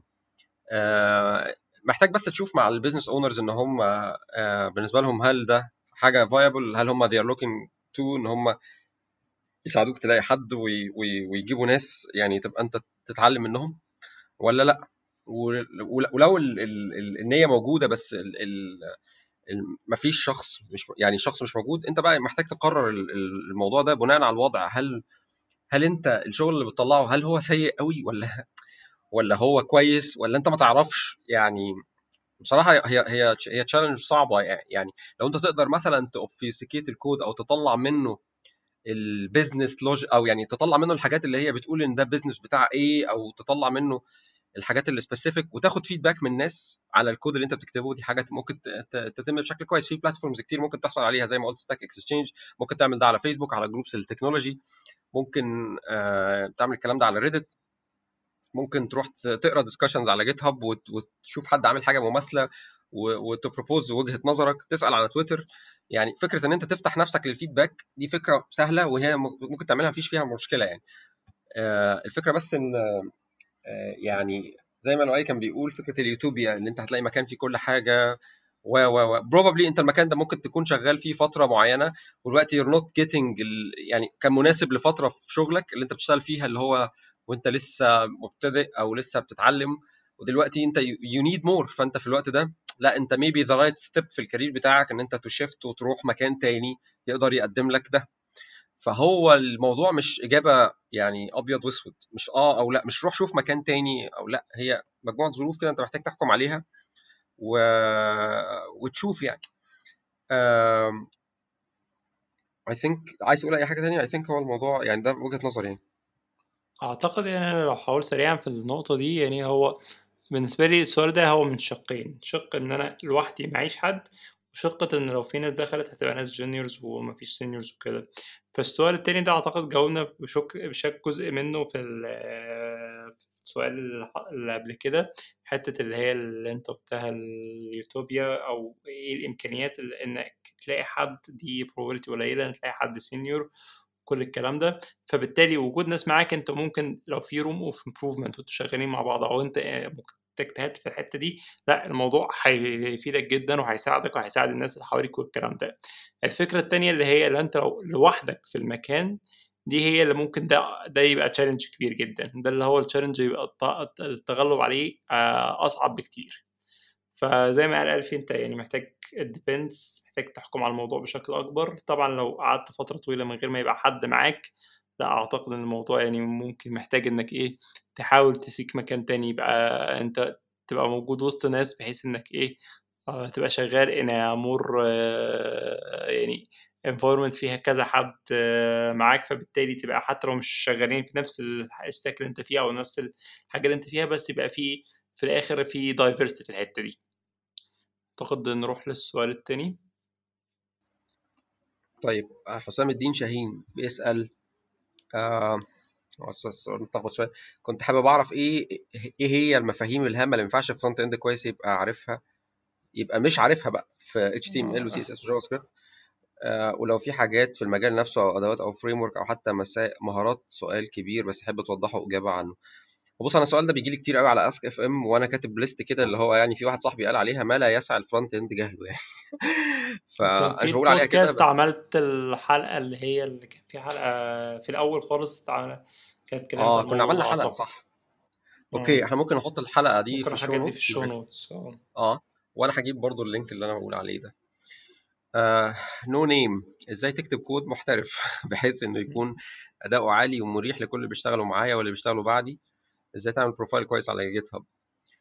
آآ بصراحة مش يعني مش عارف يعني إيه كود محترف بس I think اللي هو يعني هو ال التوضيح اللي بعد كده لما بيقول بحيث إنه يكون أداؤه عالي ومريح للي بيشتغلوا معايا واللي هيشتغلوا بعدي، فإحنا probably بنتكلم عن سيبك بقى من أداؤه عالي إحنا يعني هنا تعالَ ناخد النقطة الأولانية بتاع مريح للي بيشتغلوا معايا واللي هيشتغلوا بعدي، مفترض إن هو يبقى كود ماشي على standard أو اللي هو بينطبق عليه مواصفات اللي إحنا بنقول عليها إن هو clean code إن هو دي حاجات generic بقى كلها يعني ممكن نذكر منها على سبيل المثال يعني إن هو يكون self documenting documentation مكتوبة to the minimum اللي هي تقدر تserve الpurpose مكتوب له tests تقدر آآ تخلي أي حد يقدر يعدل فيه with confidence آمم يبقى ماشي على حاجة مثلًا يعني واخد paradigm أو واخد اتجاه معين سواء بقى كان functional أو event driven أو whatever حاجة تبقى ممكن تبقى عاملة إزاي. ده ده ده very generic topic يعني I don't think إن هو محتاج يعني ينفع يتجاوب في في آخر 5 دقايق في البودكاست يعني. آآ بس ممكن ت ممكن ت يعني ممكن ل لحاجات زي clean code وclean architecture و مش عارف أنت عايز تقول أصل I'm I'm lost بصراحة في الحتة دي. هو زي ما أنت قُلت هي الفكرة إنه الموضوع كبير ممكن صعب يتناقش في وقت صغير كده، بس أعتقد ممكن نتكلم يعني عنه بتفاصيل هو أكتر. بالضبط آه، بس هو يعني ممكن نقول ك يعني إيه bullet point سريعة كده، إن دايمًا موضوع الcleanness والحاجات دي هي هي عملية progressive ما ينفعش نقول إن حاجة تطلع من أول مرة تمام ك أو كلها ف 100 فل و10 فدي حاجة مهمة نconsiderها. النقطة التانية الحاجات اللي أنت قُلتها هي الحاجات اللي ليها علاقة بالclean code الnaming conventions الstandards الunit tests الcode reviews كل الحاجات دي بتساعد إنك توصل للموضوع ده، فبالتالي هو هدف ده آآ أول حاجة أنت محتاج تبقى كويس إنك سألت السؤال ده، فبالتالي أنت بتسعى له آآ وأنت بتسعى للهدف ده ما توقّفش نفسك لو أنت الدنيا مش from day one هي كانت optimal لأ الموضوع progressive عمره عمره ما هيبقى من day one هو أحسن حاجة. آآ وبالتالي الحاجات اللي هي ال practices آآ أو ال standards المعينة أو ال practices أو ال unit tests والكلام ده كلها هي بتساعدك إنك توصل لل goal ده بشكل أسهل. طيب الجزء الثاني في السؤال إزاي تعمل profile اتفضل. كويس على GitHub I don't think إن الهدف إن أنت تبقى تعمل profile كويس. يعني يعني محتاجين نحدد يعني إيه profile كويس. تعال نقول إزاي يبقى لك contributions هو ده الأوقع يعني. لأن profile. كويس قبل كده كان في واحد أنا شفته آه، عامل سكريبت هو بيخش ي commit في project بشكل on daily basis عشان يخلي الستارة بتاعت GitHub لونها أخضر مثلا يعني. فأنت لو بصيت عليه من بره تقول wow ده راجل بيعمل contribution بشكل يومي. بس هو ما حقيقة هذه ال contributions هل ال contribution دي مفيدة فعلا ولا ده أي بتنجان آه بالظبط يعني. فأنت محتاج ال... ال... ال- خلينا نقول بلاش نعمل إزاي نعمل profile كويس على GitHub؟ أنت محتاج يبقى أو خلينا نقول إن الإجابة لسؤال زي ده إن والله أنت محتاج تكون بت contribute في open source project مش عشان برضو ناخد لقطة ال contribution لا عشان أنت لقيت need وال need دي ما كانتش موجودة وأنت قدرت تعملها. والله مش لازم ال contribution دي تبقى كود يعني ال contribution ممكن تبقى answering questions. يعني أنت ممكن تلاقي مثلا library في GitHub أنت بتعمل حاجة ودخلت تسأل سؤال لقيت واحد بي أو لقيت مثلا ال issue مش محلولة. محدش عارف يحلها. وانت مثلا خلاص lost ومش لاقي حد المهم إيه؟ شغلت دماغك دماغك ودخلت كده ال... كان عندنا مصطلح في الكلية بنقوله دخلت البرميل اللي هو انت دخلت تركز عشان تقعد تشتغل وت... وت... وتطلع الحل يعني. دخلت البرميل ورحت مطلع workaround انت دي طلعت من بنات أفكارك. يعني انت اللي عملتها. خش اكتب والله يا جماعة أنا جربت الحل الفلاني والحل الفلاني ده اللي ساعدني. ممكن تبص عليه ولا ال sample بتاعت الكود أهي. ده بالنسبة للناس أحسن مليون مرة من إن أنت تعمل contribution في documentation أو spelling mistake أو لأن ده ده real contribution ف نركز على إن ال contribution يبقى ليها quality ما تركزش على ال points وال score كل ده لو لو هو ده الهدف يبقى الهدف ده أنا آسف هدف هايف. ملوش يعني ممكن أنت تعمل بيه حاجات ملهاش لازمة عشان تقول أنا يا جماعة أخدت ال score الفلاني. يعني أنا عندي score على Stack Overflow أنا شخصيا معدي ال 10000 point بس نصهم من إجابات كلام فارغ. يعني في اجابه ليا آه والله هي Node.js بتستخدم في إيه؟ أنا واخدها copy paste من website من SitePoint dot com بس أنا كاتب إن أنا يا جماعة أنا واخد الإجابة دي من الحتة الفلانية. واخد معدي ال 200 upvote لو أنت أنا كتبت Node في حياتي مش كتير. هل ده معناه إن أنا هروح أفتح صدري وأقول يا جماعة أنا من الكام top percent في Stack Overflow ده لو أنا باصص على إن Stack Overflow ال score بتاعي هو ال ال ال ال الرقم يبقى يعني يبقى ماشي. لكن لأ هو هو يعني هل دي حاجة فادت؟ هو في الآخر أنا ما فدتش الراجل يعني probably كل اللي بيسأل السؤال ده هو عارف Node بتعمل إيه. يعني وممكن لو راح دور هي بتعمل إيه. فأنت ما يبقاش هدفك ال score أو ما يبقاش هدفك إن ال points بتاعت ال contribution تبقى باينة. آه عايز تضيف حاجة؟ معلش أنا اندفعت كده في الحتة دي. آه هضيف حاجة سريعة إن غالبا إحنا دلوقتي في الوقت ده في حاجات كتير خاصة في الويب أو حتى في حاجات تانية ال dependencies عندنا كتير. فأنت تلاقي أي حاجة أنت بتستخدمها أي library بتستخدمها هتلاقي ليها dependencies تانية كتير جدا. وغالبا هتلاقي في الحاجات دي ساعات مشاكل ساعات bugs ظهرت في وقت معين أو حاجة بسيطة ممكن تتعمل في تبقى آه، تساعدك وتساعد الناس. أنت دلوقتي أي project مش عايز أضرب رقم بس ممكن يخش في فوق ال 100 200 300 dependency موجودة هي open source dependency الحاجات دي دايما بتبقى هي اللي ممكن تبقى ال point اللي تروح لها عشان إيه؟ لو عايز ت contribute لحاجه زي كده. تلاقي مثلا ال library حصل فيها update معين بقت تعمل issue أو حاجة بسيطة أنت عايزها هي موجودة في ال library موجود فيها كل حاجة بس الحاجة دي هتبقى أحسن فتعملها. فممكن تبص في الحاجات دي في ال contribution في الحاجات اللي أنت بتستخدمها ال libraries كتير بتستخدمها أو الحاجات ال dependencies ال dependencies اللي أنت بتستخدمها ده يبقى نقطة كويسة لو أنت عايز ت contribute حاجة في ال open source يعني. okay جميل جدا. بص السؤال الأخير ده بصراحة يعني أنا عايز أجاوب عليه عشان أنا يعني أنا أنا أنا مفتقد هذا النوع من ال discussions عمرو بيسأل سؤال عشان كده جدا. عشان كده كتبت آه. قدامه ختام ختامها مسك. آه. آه، السؤال ده حلو بصراحة والسؤال ده لأن هو سؤال أكتر سؤال فلسفي ومحتاج discussions يعني. وأنا بصراحة بحب هذا النوع من ال discussion لأن هو آه، بي set aside بقى كل ال hype ونبدأ نتكلم بجد يعني في بعض الحاجات. في عمرو أنا عايز أشكرك جدا عمرو إن أنت سألت السؤال ده. عمرو جايب statistics من website اسمه w3techs.com تقريبا ال website ده هو بيقدم statistics based على ال آه، يعني على ال top websites فهو عمرو جايب ال website ده هنحط ال link بتاعه في ال show notes وقايل إن لو بصينا على ال top 10 percent- 10 مليون websites يعني لو جبت ال websites وقسمتهم حسب ال traffic لو جبت ال top 10 مليون وعملت statistics كده هم بيستخدموا front end libraries إيه هي؟ جايبين بيقول لك لما تحط React و Angular و Vue الثلاثه مع بعض هم الثلاثه بيستخدموا أقل من 1.2% يعني لو عندك ال 10 مليون دول طلع منهم واحد واثنين من عشرة بس من ال websites دي اللي بتستخدم اللي هو single page application framework سواء بقى كان Angular أو Vue أو React فعمرو بيتكلم عن إن ال majority من ال websites دي ما بتحتاجش يعني front end أو آسف أو اللي هو السبا فهل ال SPAs دي أو اللي هي single page application frameworks هل هي overrated؟ هل لو إحنا في بعض الحاجات يعني ما لو أنت بتشتغل ك freelancer مش الصح إن أنت تروح ل WordPress أو Shopify عشان توفر وقت وأنت شغال وتعمل حاجات أكتر ليها علاقة بال marketing وال SEO وعمرو بيتكلم برضو على إن إن ال front end مع ال tools دي هي بتبقى more exhausting يوم بعد يوم لأن أنت بتحتاج تحط to upgrade ال workflow بتاعك تشتغل بشكل معين في tools جديدة بتتعلمها في حاجات بتحاول تستخدمها.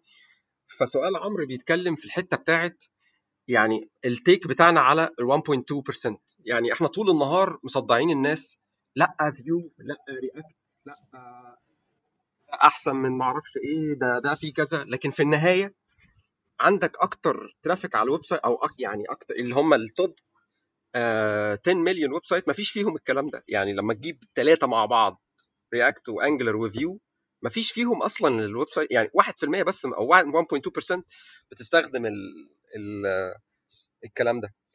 بصراحة دي حاجة يعني I think إحنا we shared قبل كده يا لؤي في أحد ال picks أو يمكن في ال newsletter I think في أول newsletter لو تفتكر كان في مقال كنا إحنا حطيناه اللي هو كان بيتكلم عن إن ال front end آه آه إن, إن أنت مش محتاج فعلا طول الوقت تبقى بتجيب single page application framework والراجل كان بيطرح بدايل إن أنت في أوقات كتيرة جدا أنت محتاج single page آه محتاج آسف application بي serve views عادية static يعني من غير من غير framework زي React أو Angular وما إلى ذلك يعني.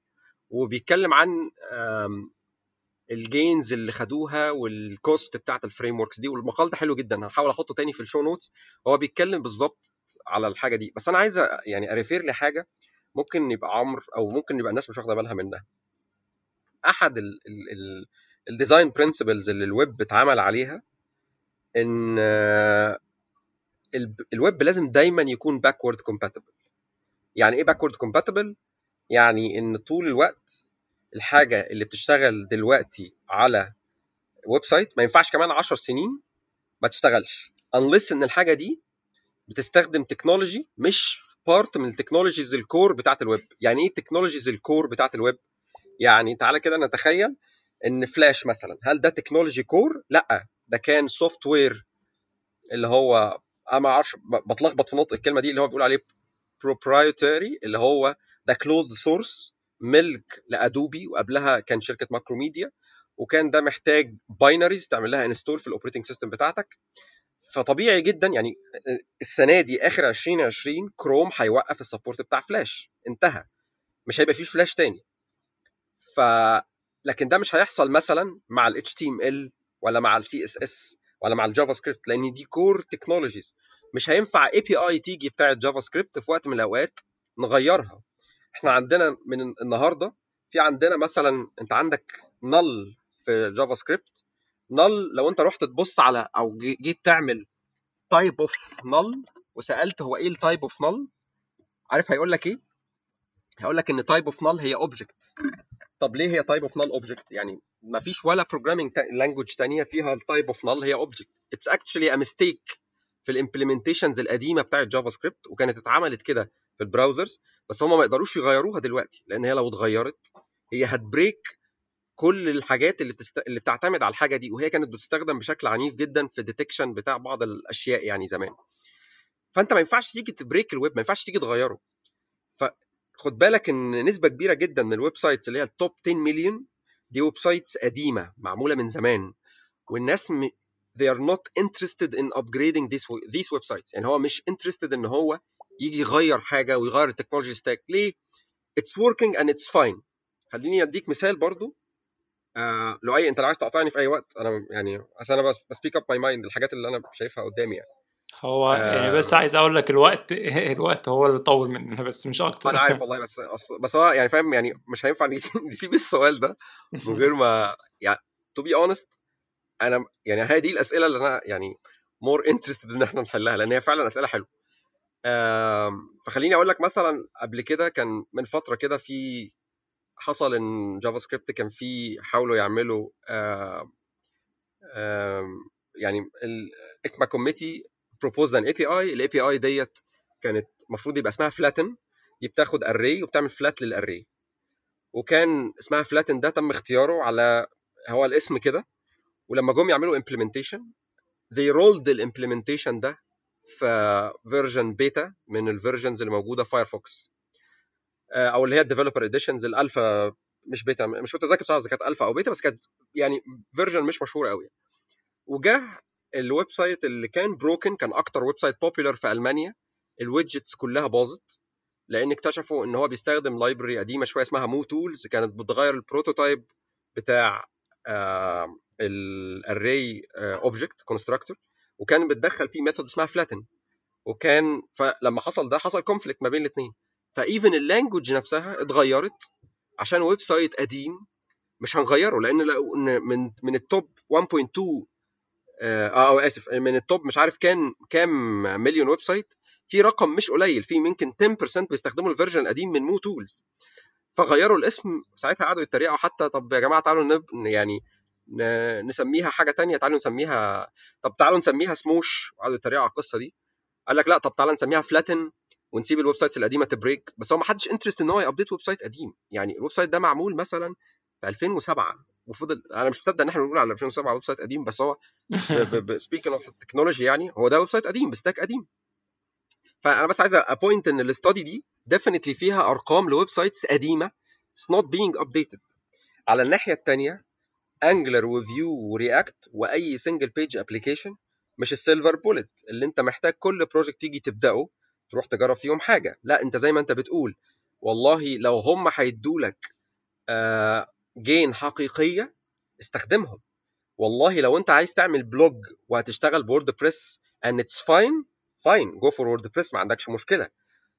مؤخرا مثلا هديك مثال أنا بشتغل في شركة بنعمل e-commerce بشتغل ب e-commerce ب platform اسمه Magento Magento هو سيء جدا على layer ال view عشان تكتب views في Magento it's tightly coupled لازم تستخدم ال JavaScript libraries بتاعته. يعني بيستخدم Prototype اللي هي library آخر update حصلت له.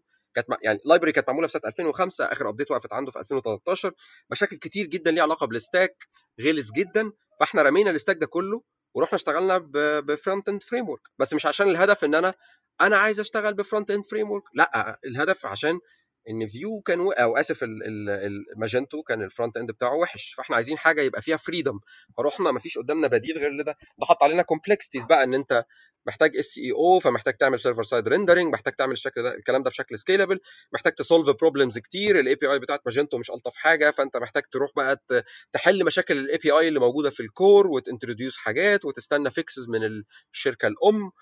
فكل حاجة بتيجي بالمشاكل بتاعتها. فأنت محتاج قرارك لما تيجي تاخده يبقى based على facts مش على أنا أروح أستخدم Vue ولا هاي ولا ولا React ولا Angular في صديق ليا اسمه محمود محمود عبد الفتاح. محمود كلمني من لسه قريب بيسألني بيقول لي هو الناس بتشتغل بإيه اليومين دول؟ أنا عايز أعمل prototype وعايز أشتغل حاجة كده لل side project ومش عارف أجرب React ولا Vue ولا Angular قلت له والله يا محمود بص يعني أنا رأيي الشخصي jQuery أنت بتعمل prototype وأنت عايز تطلع بحاجة بسرعة. ما تحطش على نفسك learning curve بتاع أي واحدة من الثلاثه دول. لو أنت بس بتعمل حاجة كده في السريع وهتشتغل خلاص يبقى ليه تروح تجيب Angular ولا Vue أنا عايز أقول لك برضو إن إحنا لغاية النهارده أنا لغاية النهارده في Robusta أنا بطلع معظم الشغل من غير frontend frameworks إحنا بنعمل informative websites لبعض الشركات كتير. إحنا بنروح نعمل websites WordPress عادي يا جماعة مش Gatsby ومش ال... وده مش عيب عادي. يعني يعني وإحنا في مرة هنتكلم قريب عن WordPress وال content management systems وهنتكلم عليهم إن هم مش وحشين زي ما الناس بت advocate يعني بالشكل السيء يعني. بس آه لو والله في احتياج ل frontend framework استخدمه. recently في project side project أنا شغال فيه رحت جبت قلت يعني أنا مش محتاج جرب والله بدأت أنت عارف يعني جرب بدأت الثلاثه projects كده قلت طب أنا هشتغل React حطيت React مع أول مشكلة قابلت قابلتني في ال state قلت أنا هقعد اوجع دماغي بالقرف ده ليه؟ أنا بعمل prototype رحت شايل React رحت جايب Vue أول مشكلة قابلتني مع Vue Nuxt رحت شايل. قلت لا رحت جايب Angular بعد ما عملت install وبصيت على Angular قلت لأ. رحت جايب والله العظيم بدون أي حاجة. رحت عامل ال classes بتاعتي و library بت handle routing very light library اسمها page dot js وبدأت أشتغل وطلعت output within 2 hours. بعد ما كنت بقالي ثلاث أيام عمال أجرب مع Angular مع Vue وعمال أحل مشاكلهم هم. لا أنا عايز أطلع حاجتي أنا. فهو مش عيب. هو آه ال frameworks دي overrated وده unpopular opinion والناس هتيجي تخنقك. هي بتساعدك لما يبقى تكون عندك team كبير وأنت عايز تقسم الشغل عليهم بشكل scalable وعايز تحط يعني architecture الناس كلها تمشي عليه وليه references وليه آم، زي آه، يعني مشاكل الناس تعرف ترجع لها وتحلها. آه ال frameworks دي هتساعدك بدل ما يبقى كل واحد شغال بيكتب في دماغه. بس لو هي مش هتساعدك تحل المشاكل دي وانت شغال لوحدك ما تستخدمهاش. ف again it's not a silver bullet مش كل حاجة محتاج تعملها آه، محتاج تروح تستخدم الحاجة دي. كفاية كده عشان بقالي كتير بتكلم وانت لو اي تاني تاخد. آه، أنا هقول wrap up سريع للموضوع ده. أعتقد يعني إنه هجاوب على السؤال ده باختصار كده. هتكلم في ثلاث نقط سريعة. أول نقطة كان Kent Beck آه، كان بيتكلم في بودكاست معينة كان بيقول لك إن إيه إن حاجات الناس مش واخدة بالها منها إن الشركات اللي هي اللي زي Google Facebook Netflix الكلام ده كل الشركات دي هي at scale كبير جدا ما ينفعش تاخد آه، تكنولوجيا أو حاجة من اللي موجودة في ال market تشتغل عليها. لازم هي at scale لازم تخترع حاجتها بنفسها. ولو أي حد عمل technology أو stack معين للناس دي مش هيلاقي حد يستخدمه عشان هو هيبقى يتكلم في complexity ما حدش هيحتاجها. فدي نقطة يعني إيه برضو الناس لا تغفل عنها. النقطة التانية كان برضه في بودكاست تاني كان GitHub بيتكلموا إن هم كانوا لفترة الوقت طويل كانوا شغالين jQuery لوقت قريب وبعد كده لما عملوا switch عملوا switch ل vanilla JavaScript هو بيتكلم في الموضوع ده في الآخر يقول إن إحنا آه، أغلب ال mobile views عندنا بتبقى هي ما فيهاش reactivity عالية ما فيهاش interactivity عالية كمان فبالتالي مش محتاجين overload الدنيا وال vanilla Java يعني كان عامل case آه، في النقطة دي. آه، تالت حاجة سريعة في ال- في السؤال ده إنه أنا pro جدا النقطة اللي هي ال value driven أنت لو شخص freelancer تبقى value driven person مهم جدا. value driven value driven يعني إيه؟ أنت دلوقتي أي شخص جاي لك أي customer جاي لك هو محتاج حاجة هو في الآخر هو مش عايز الحاجة دي هو عايز ي achieve value بشكل معين. فأنت لو شخص تعرف ت integrate تعرف مثلا تجيب تشغل له WordPress بحاجه clean وبسيطة وسريعة وت integrate ت integrate معاها. تستخدم شوية طبعا ال plugins اللي هي زي ما انت قلت ال SEO والكلام ده أو ت integrate حاجات تانية تساعده services زي HubSpot مثلا زي Mailchimp مثلا زي حاجات كتير. لا انت هنا ال value اللي هتديها لل customer ده أعلى بكتير من ال value اللي هيديها شخص يعمل له حاجة custom made وفي الآخر هو هينجح أكتر وال value اللي جاية له أحسن وهيبقى مستريح إن هو يشتغل معاك.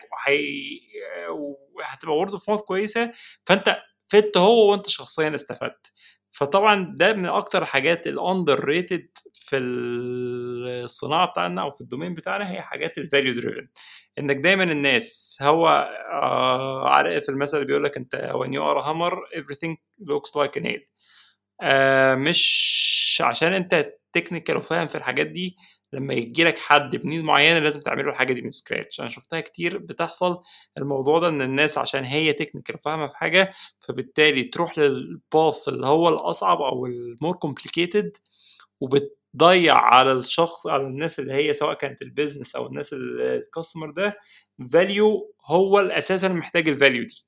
يعني مثال سريع في النقطة دي إحنا دلوقتي بقالنا ست شهور أو سبع شهور على البودكاست مستين نعمل البودكاست دي. إحنا from day 1 مستخدمين service اسمها Simplecast ال website اللي على ال- لل- للبودكاست هو ال website ال default بتاع Simplecast Simplecast بيديك آه website website بسيط جدا ما فيهوش أي حاجة. وإحنا ما, ما شاء الله معانا الفي اهو لو قلنا إن البتاع ده قلنا ممكن الفي يعمل لنا أقوى website في الحاجة دي. بس إحنا في الآخر اخترنا في النقطة دي إن إحنا إيه نركز على الحاجة ال value اللي هنديها للناس اللي هي ال content أكتر من الايه سواء كان ال website اللي هنقدمه للناس ال servers اللي هنشتغل بيها أو حتى لما جينا نعمل newsletter رحنا لحاجة زي Mailchimp هي يعني إيه out of the box بتوفر بت provide كل حاجة. ما ما عملناش investment في ال technical wise في النقطة دي لأ ركزنا كان كل تركيزنا على ال value على المحتوى نفسها. فأحييك لو أنت شخص شغال freelancing وبتحاول تركز في ال value driven stuff عشان ده فعلا هو ال- الناس محتاجة ال value دلوقتي أكتر من أي وقت آه، قبل كده.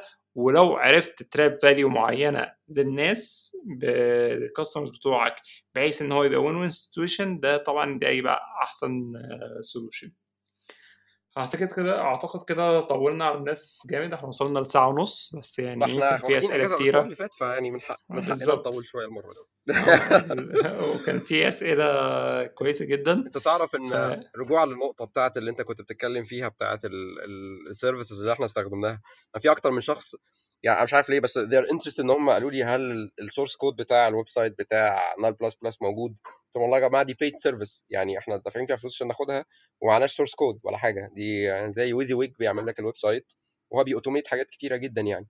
فزي ما أنت قلت أنت ال example اللي أنت ضربته هو رائع يعني نفس الكلام ينطبق على ال frameworks وعلى ال tools وعلى الحاجات دي. ده حقيقي. كده نوصل لآخر الحلقة. آه، سريعا كده ال picks إيه ال pick اللي عندك يا أخ ألفي أنا معايا ثلاثة picks ثلاثة picks لا يعني إحنا وقت يعني إيه؟ فاختار واحدة معلش. وفر. عندنا عندنا حلقات كتير. طيب آه آه آه يعني خلينا طيب نقول اتنين. في واحدة فيهم آه ليها علاقة ب اللي بيحصل مع DHH وال application بتاع hey في اليوتيوبر اللي هو المشهور اللي هو اسمه آه، اسمه إيه؟ expert اللي هو تكنو أو اللي هو الراجل اللي هو ال Asian American Asian ده اسمه إيه؟ اللي هو مش فاكر اسمه إيه بالظبط يعني. tech expert أو tech lead tech lead اسمه تك ليد آه ال TechLead آه، آه. عامل حلقة يعني هو بيقول إن هو بي expose ال monopoly practices اللي داخل Apple وبصراحه هي ال content بتاعها حلو جدا. يعني في حاجات ما كنتش أعرفها. يعني هو جايب comparisons على إن بعض ال services بت charge يعني لو أنت داخل من iOS عشان تستخدم ال in-app purchases انت بتدفع 30% أكتر فهتلاقي ان ال services مثلا يعني let's say YouTube Premium هتلاقيه على iOS ثمنه اغلى من لو رحت اشتركت على ال website 30% ف أنا ما كنتش اعرف حاجة زي كده. أنا لو كده أنا كنت زمان بشتري من على iOS أنا بعد كده مش هروح اشتري من على iOS يعني. وهروح اشتري من من على ال developer website بشكل عنيف يعني. فهو الفيديو بتاعه بصراحة حلو جدا ويوري practices جوه بتحصل جوه ال App Store يعني سيئة. I think إن إحنا الناس في المجال لازم نبقى aware بوجهة النظر ديت. ال pick الثانية هي في event هيحصل اللي هو Vue Day ده event هيبقى Vue virtual حول العالم يعني في speakers كتير. من ضمن ال speakers دي أول speaker جه معانا في البودكاست آه، عبد الرحمن عوض هي represent مصر. آه، هيتكلم عن vee-validate ال library بتاعته ال version الجديد منها وهي show some code live ودي بصراحة حاجة كبيرة جدا لأن هو هيتكلم مع أسماء آه، كبيرة كلها مش يعني it's huge step عبد الرحمن ما شاء الله عليه يعني يعني في track ال open source عامل مجهود خرافي و is being recognized on an international level بشكل كبير جدا.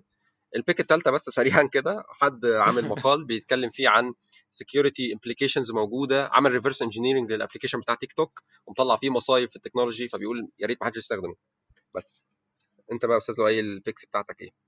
آه، أول حاجة الأول pick بتاعتك بتاعت حتة الخناقات ال iOS والكلام ده هو أنا يعني آه برضو يعني آه business wise لو هنيجي نتكلم في domain ال business طبعا مش هتكلم تفاصيل يعني بس سريعا أنا آه يعني مخت- بختلف مع الناس بتتكلم في حتة ال ecosystem وال platform وإن إزاي Apple مش عارف ت charge قد إيه وجوجل إيه والكلام ده.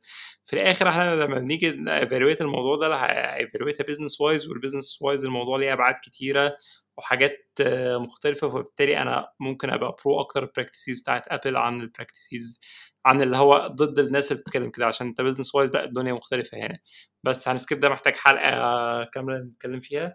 ال pick بتاعتي هو حاجة شفتها مؤخرا كانت tool اسمها Substack Substack دي tool لطيفة جدا للناس اللي عايزة تعمل content وت monetize ال content دي. بكل بساطة ال Substack ده بيبقى بيديلك زي subdomain كده أو stack ال stack ده أنت ممكن تحط عليه articles ممكن تحط ت share عليه زي quick feed والكلام ده. وبيخلي بيديلك list of subscribers يعني أنت أي حد عايز يشوف ال content بتاعك كأنه newsletter بالنسبة له. فهو إيه بيخش يشوف آه والله أنا عايز أشوف الكلام اللي بيكتبه أحمد الألفي فأروح ا subscribe لل newsletter بتاعته. فبالتالي أنت اول ما ت post حاجة بيروح له إيميل بي بيخش على ال stack بتاعك بيشوف إيه كل ال blogs اللي أنت كتبتها والكلام ده. فهو زي Medium بس integrated منه في newsletter فيعني هو فكرة مختلفة كده شوية فأنصح الناس اللي هي عايزة تكتب content أو تحط content تبص فيه وتجربه خاصة إن هو بيعمل option كمان إنك لو الموضوع ظبط معاك إن هو يوفر ليك إنك ممكن ت charge الناس subscription لل content بتاعتك وهو ياخد نسبة منها هو بي monetize بالطريقة دي. فيعني هو كان option لطيف. وكده وصلنا لآخر الحلقة. معلش طولنا عليكم. آه عايزين نفكركم بال like وال subscribe وكل الكلام ده. اللي لسه ما اشتركش في ال newsletter ي subscribe فيها. يعني بنحاول ن create content لطيف. وشكرا ليكم وإلى اللقاء في الحلقة القادمة. شكرا جدا وإلى اللقاء في الحلقة القادمة.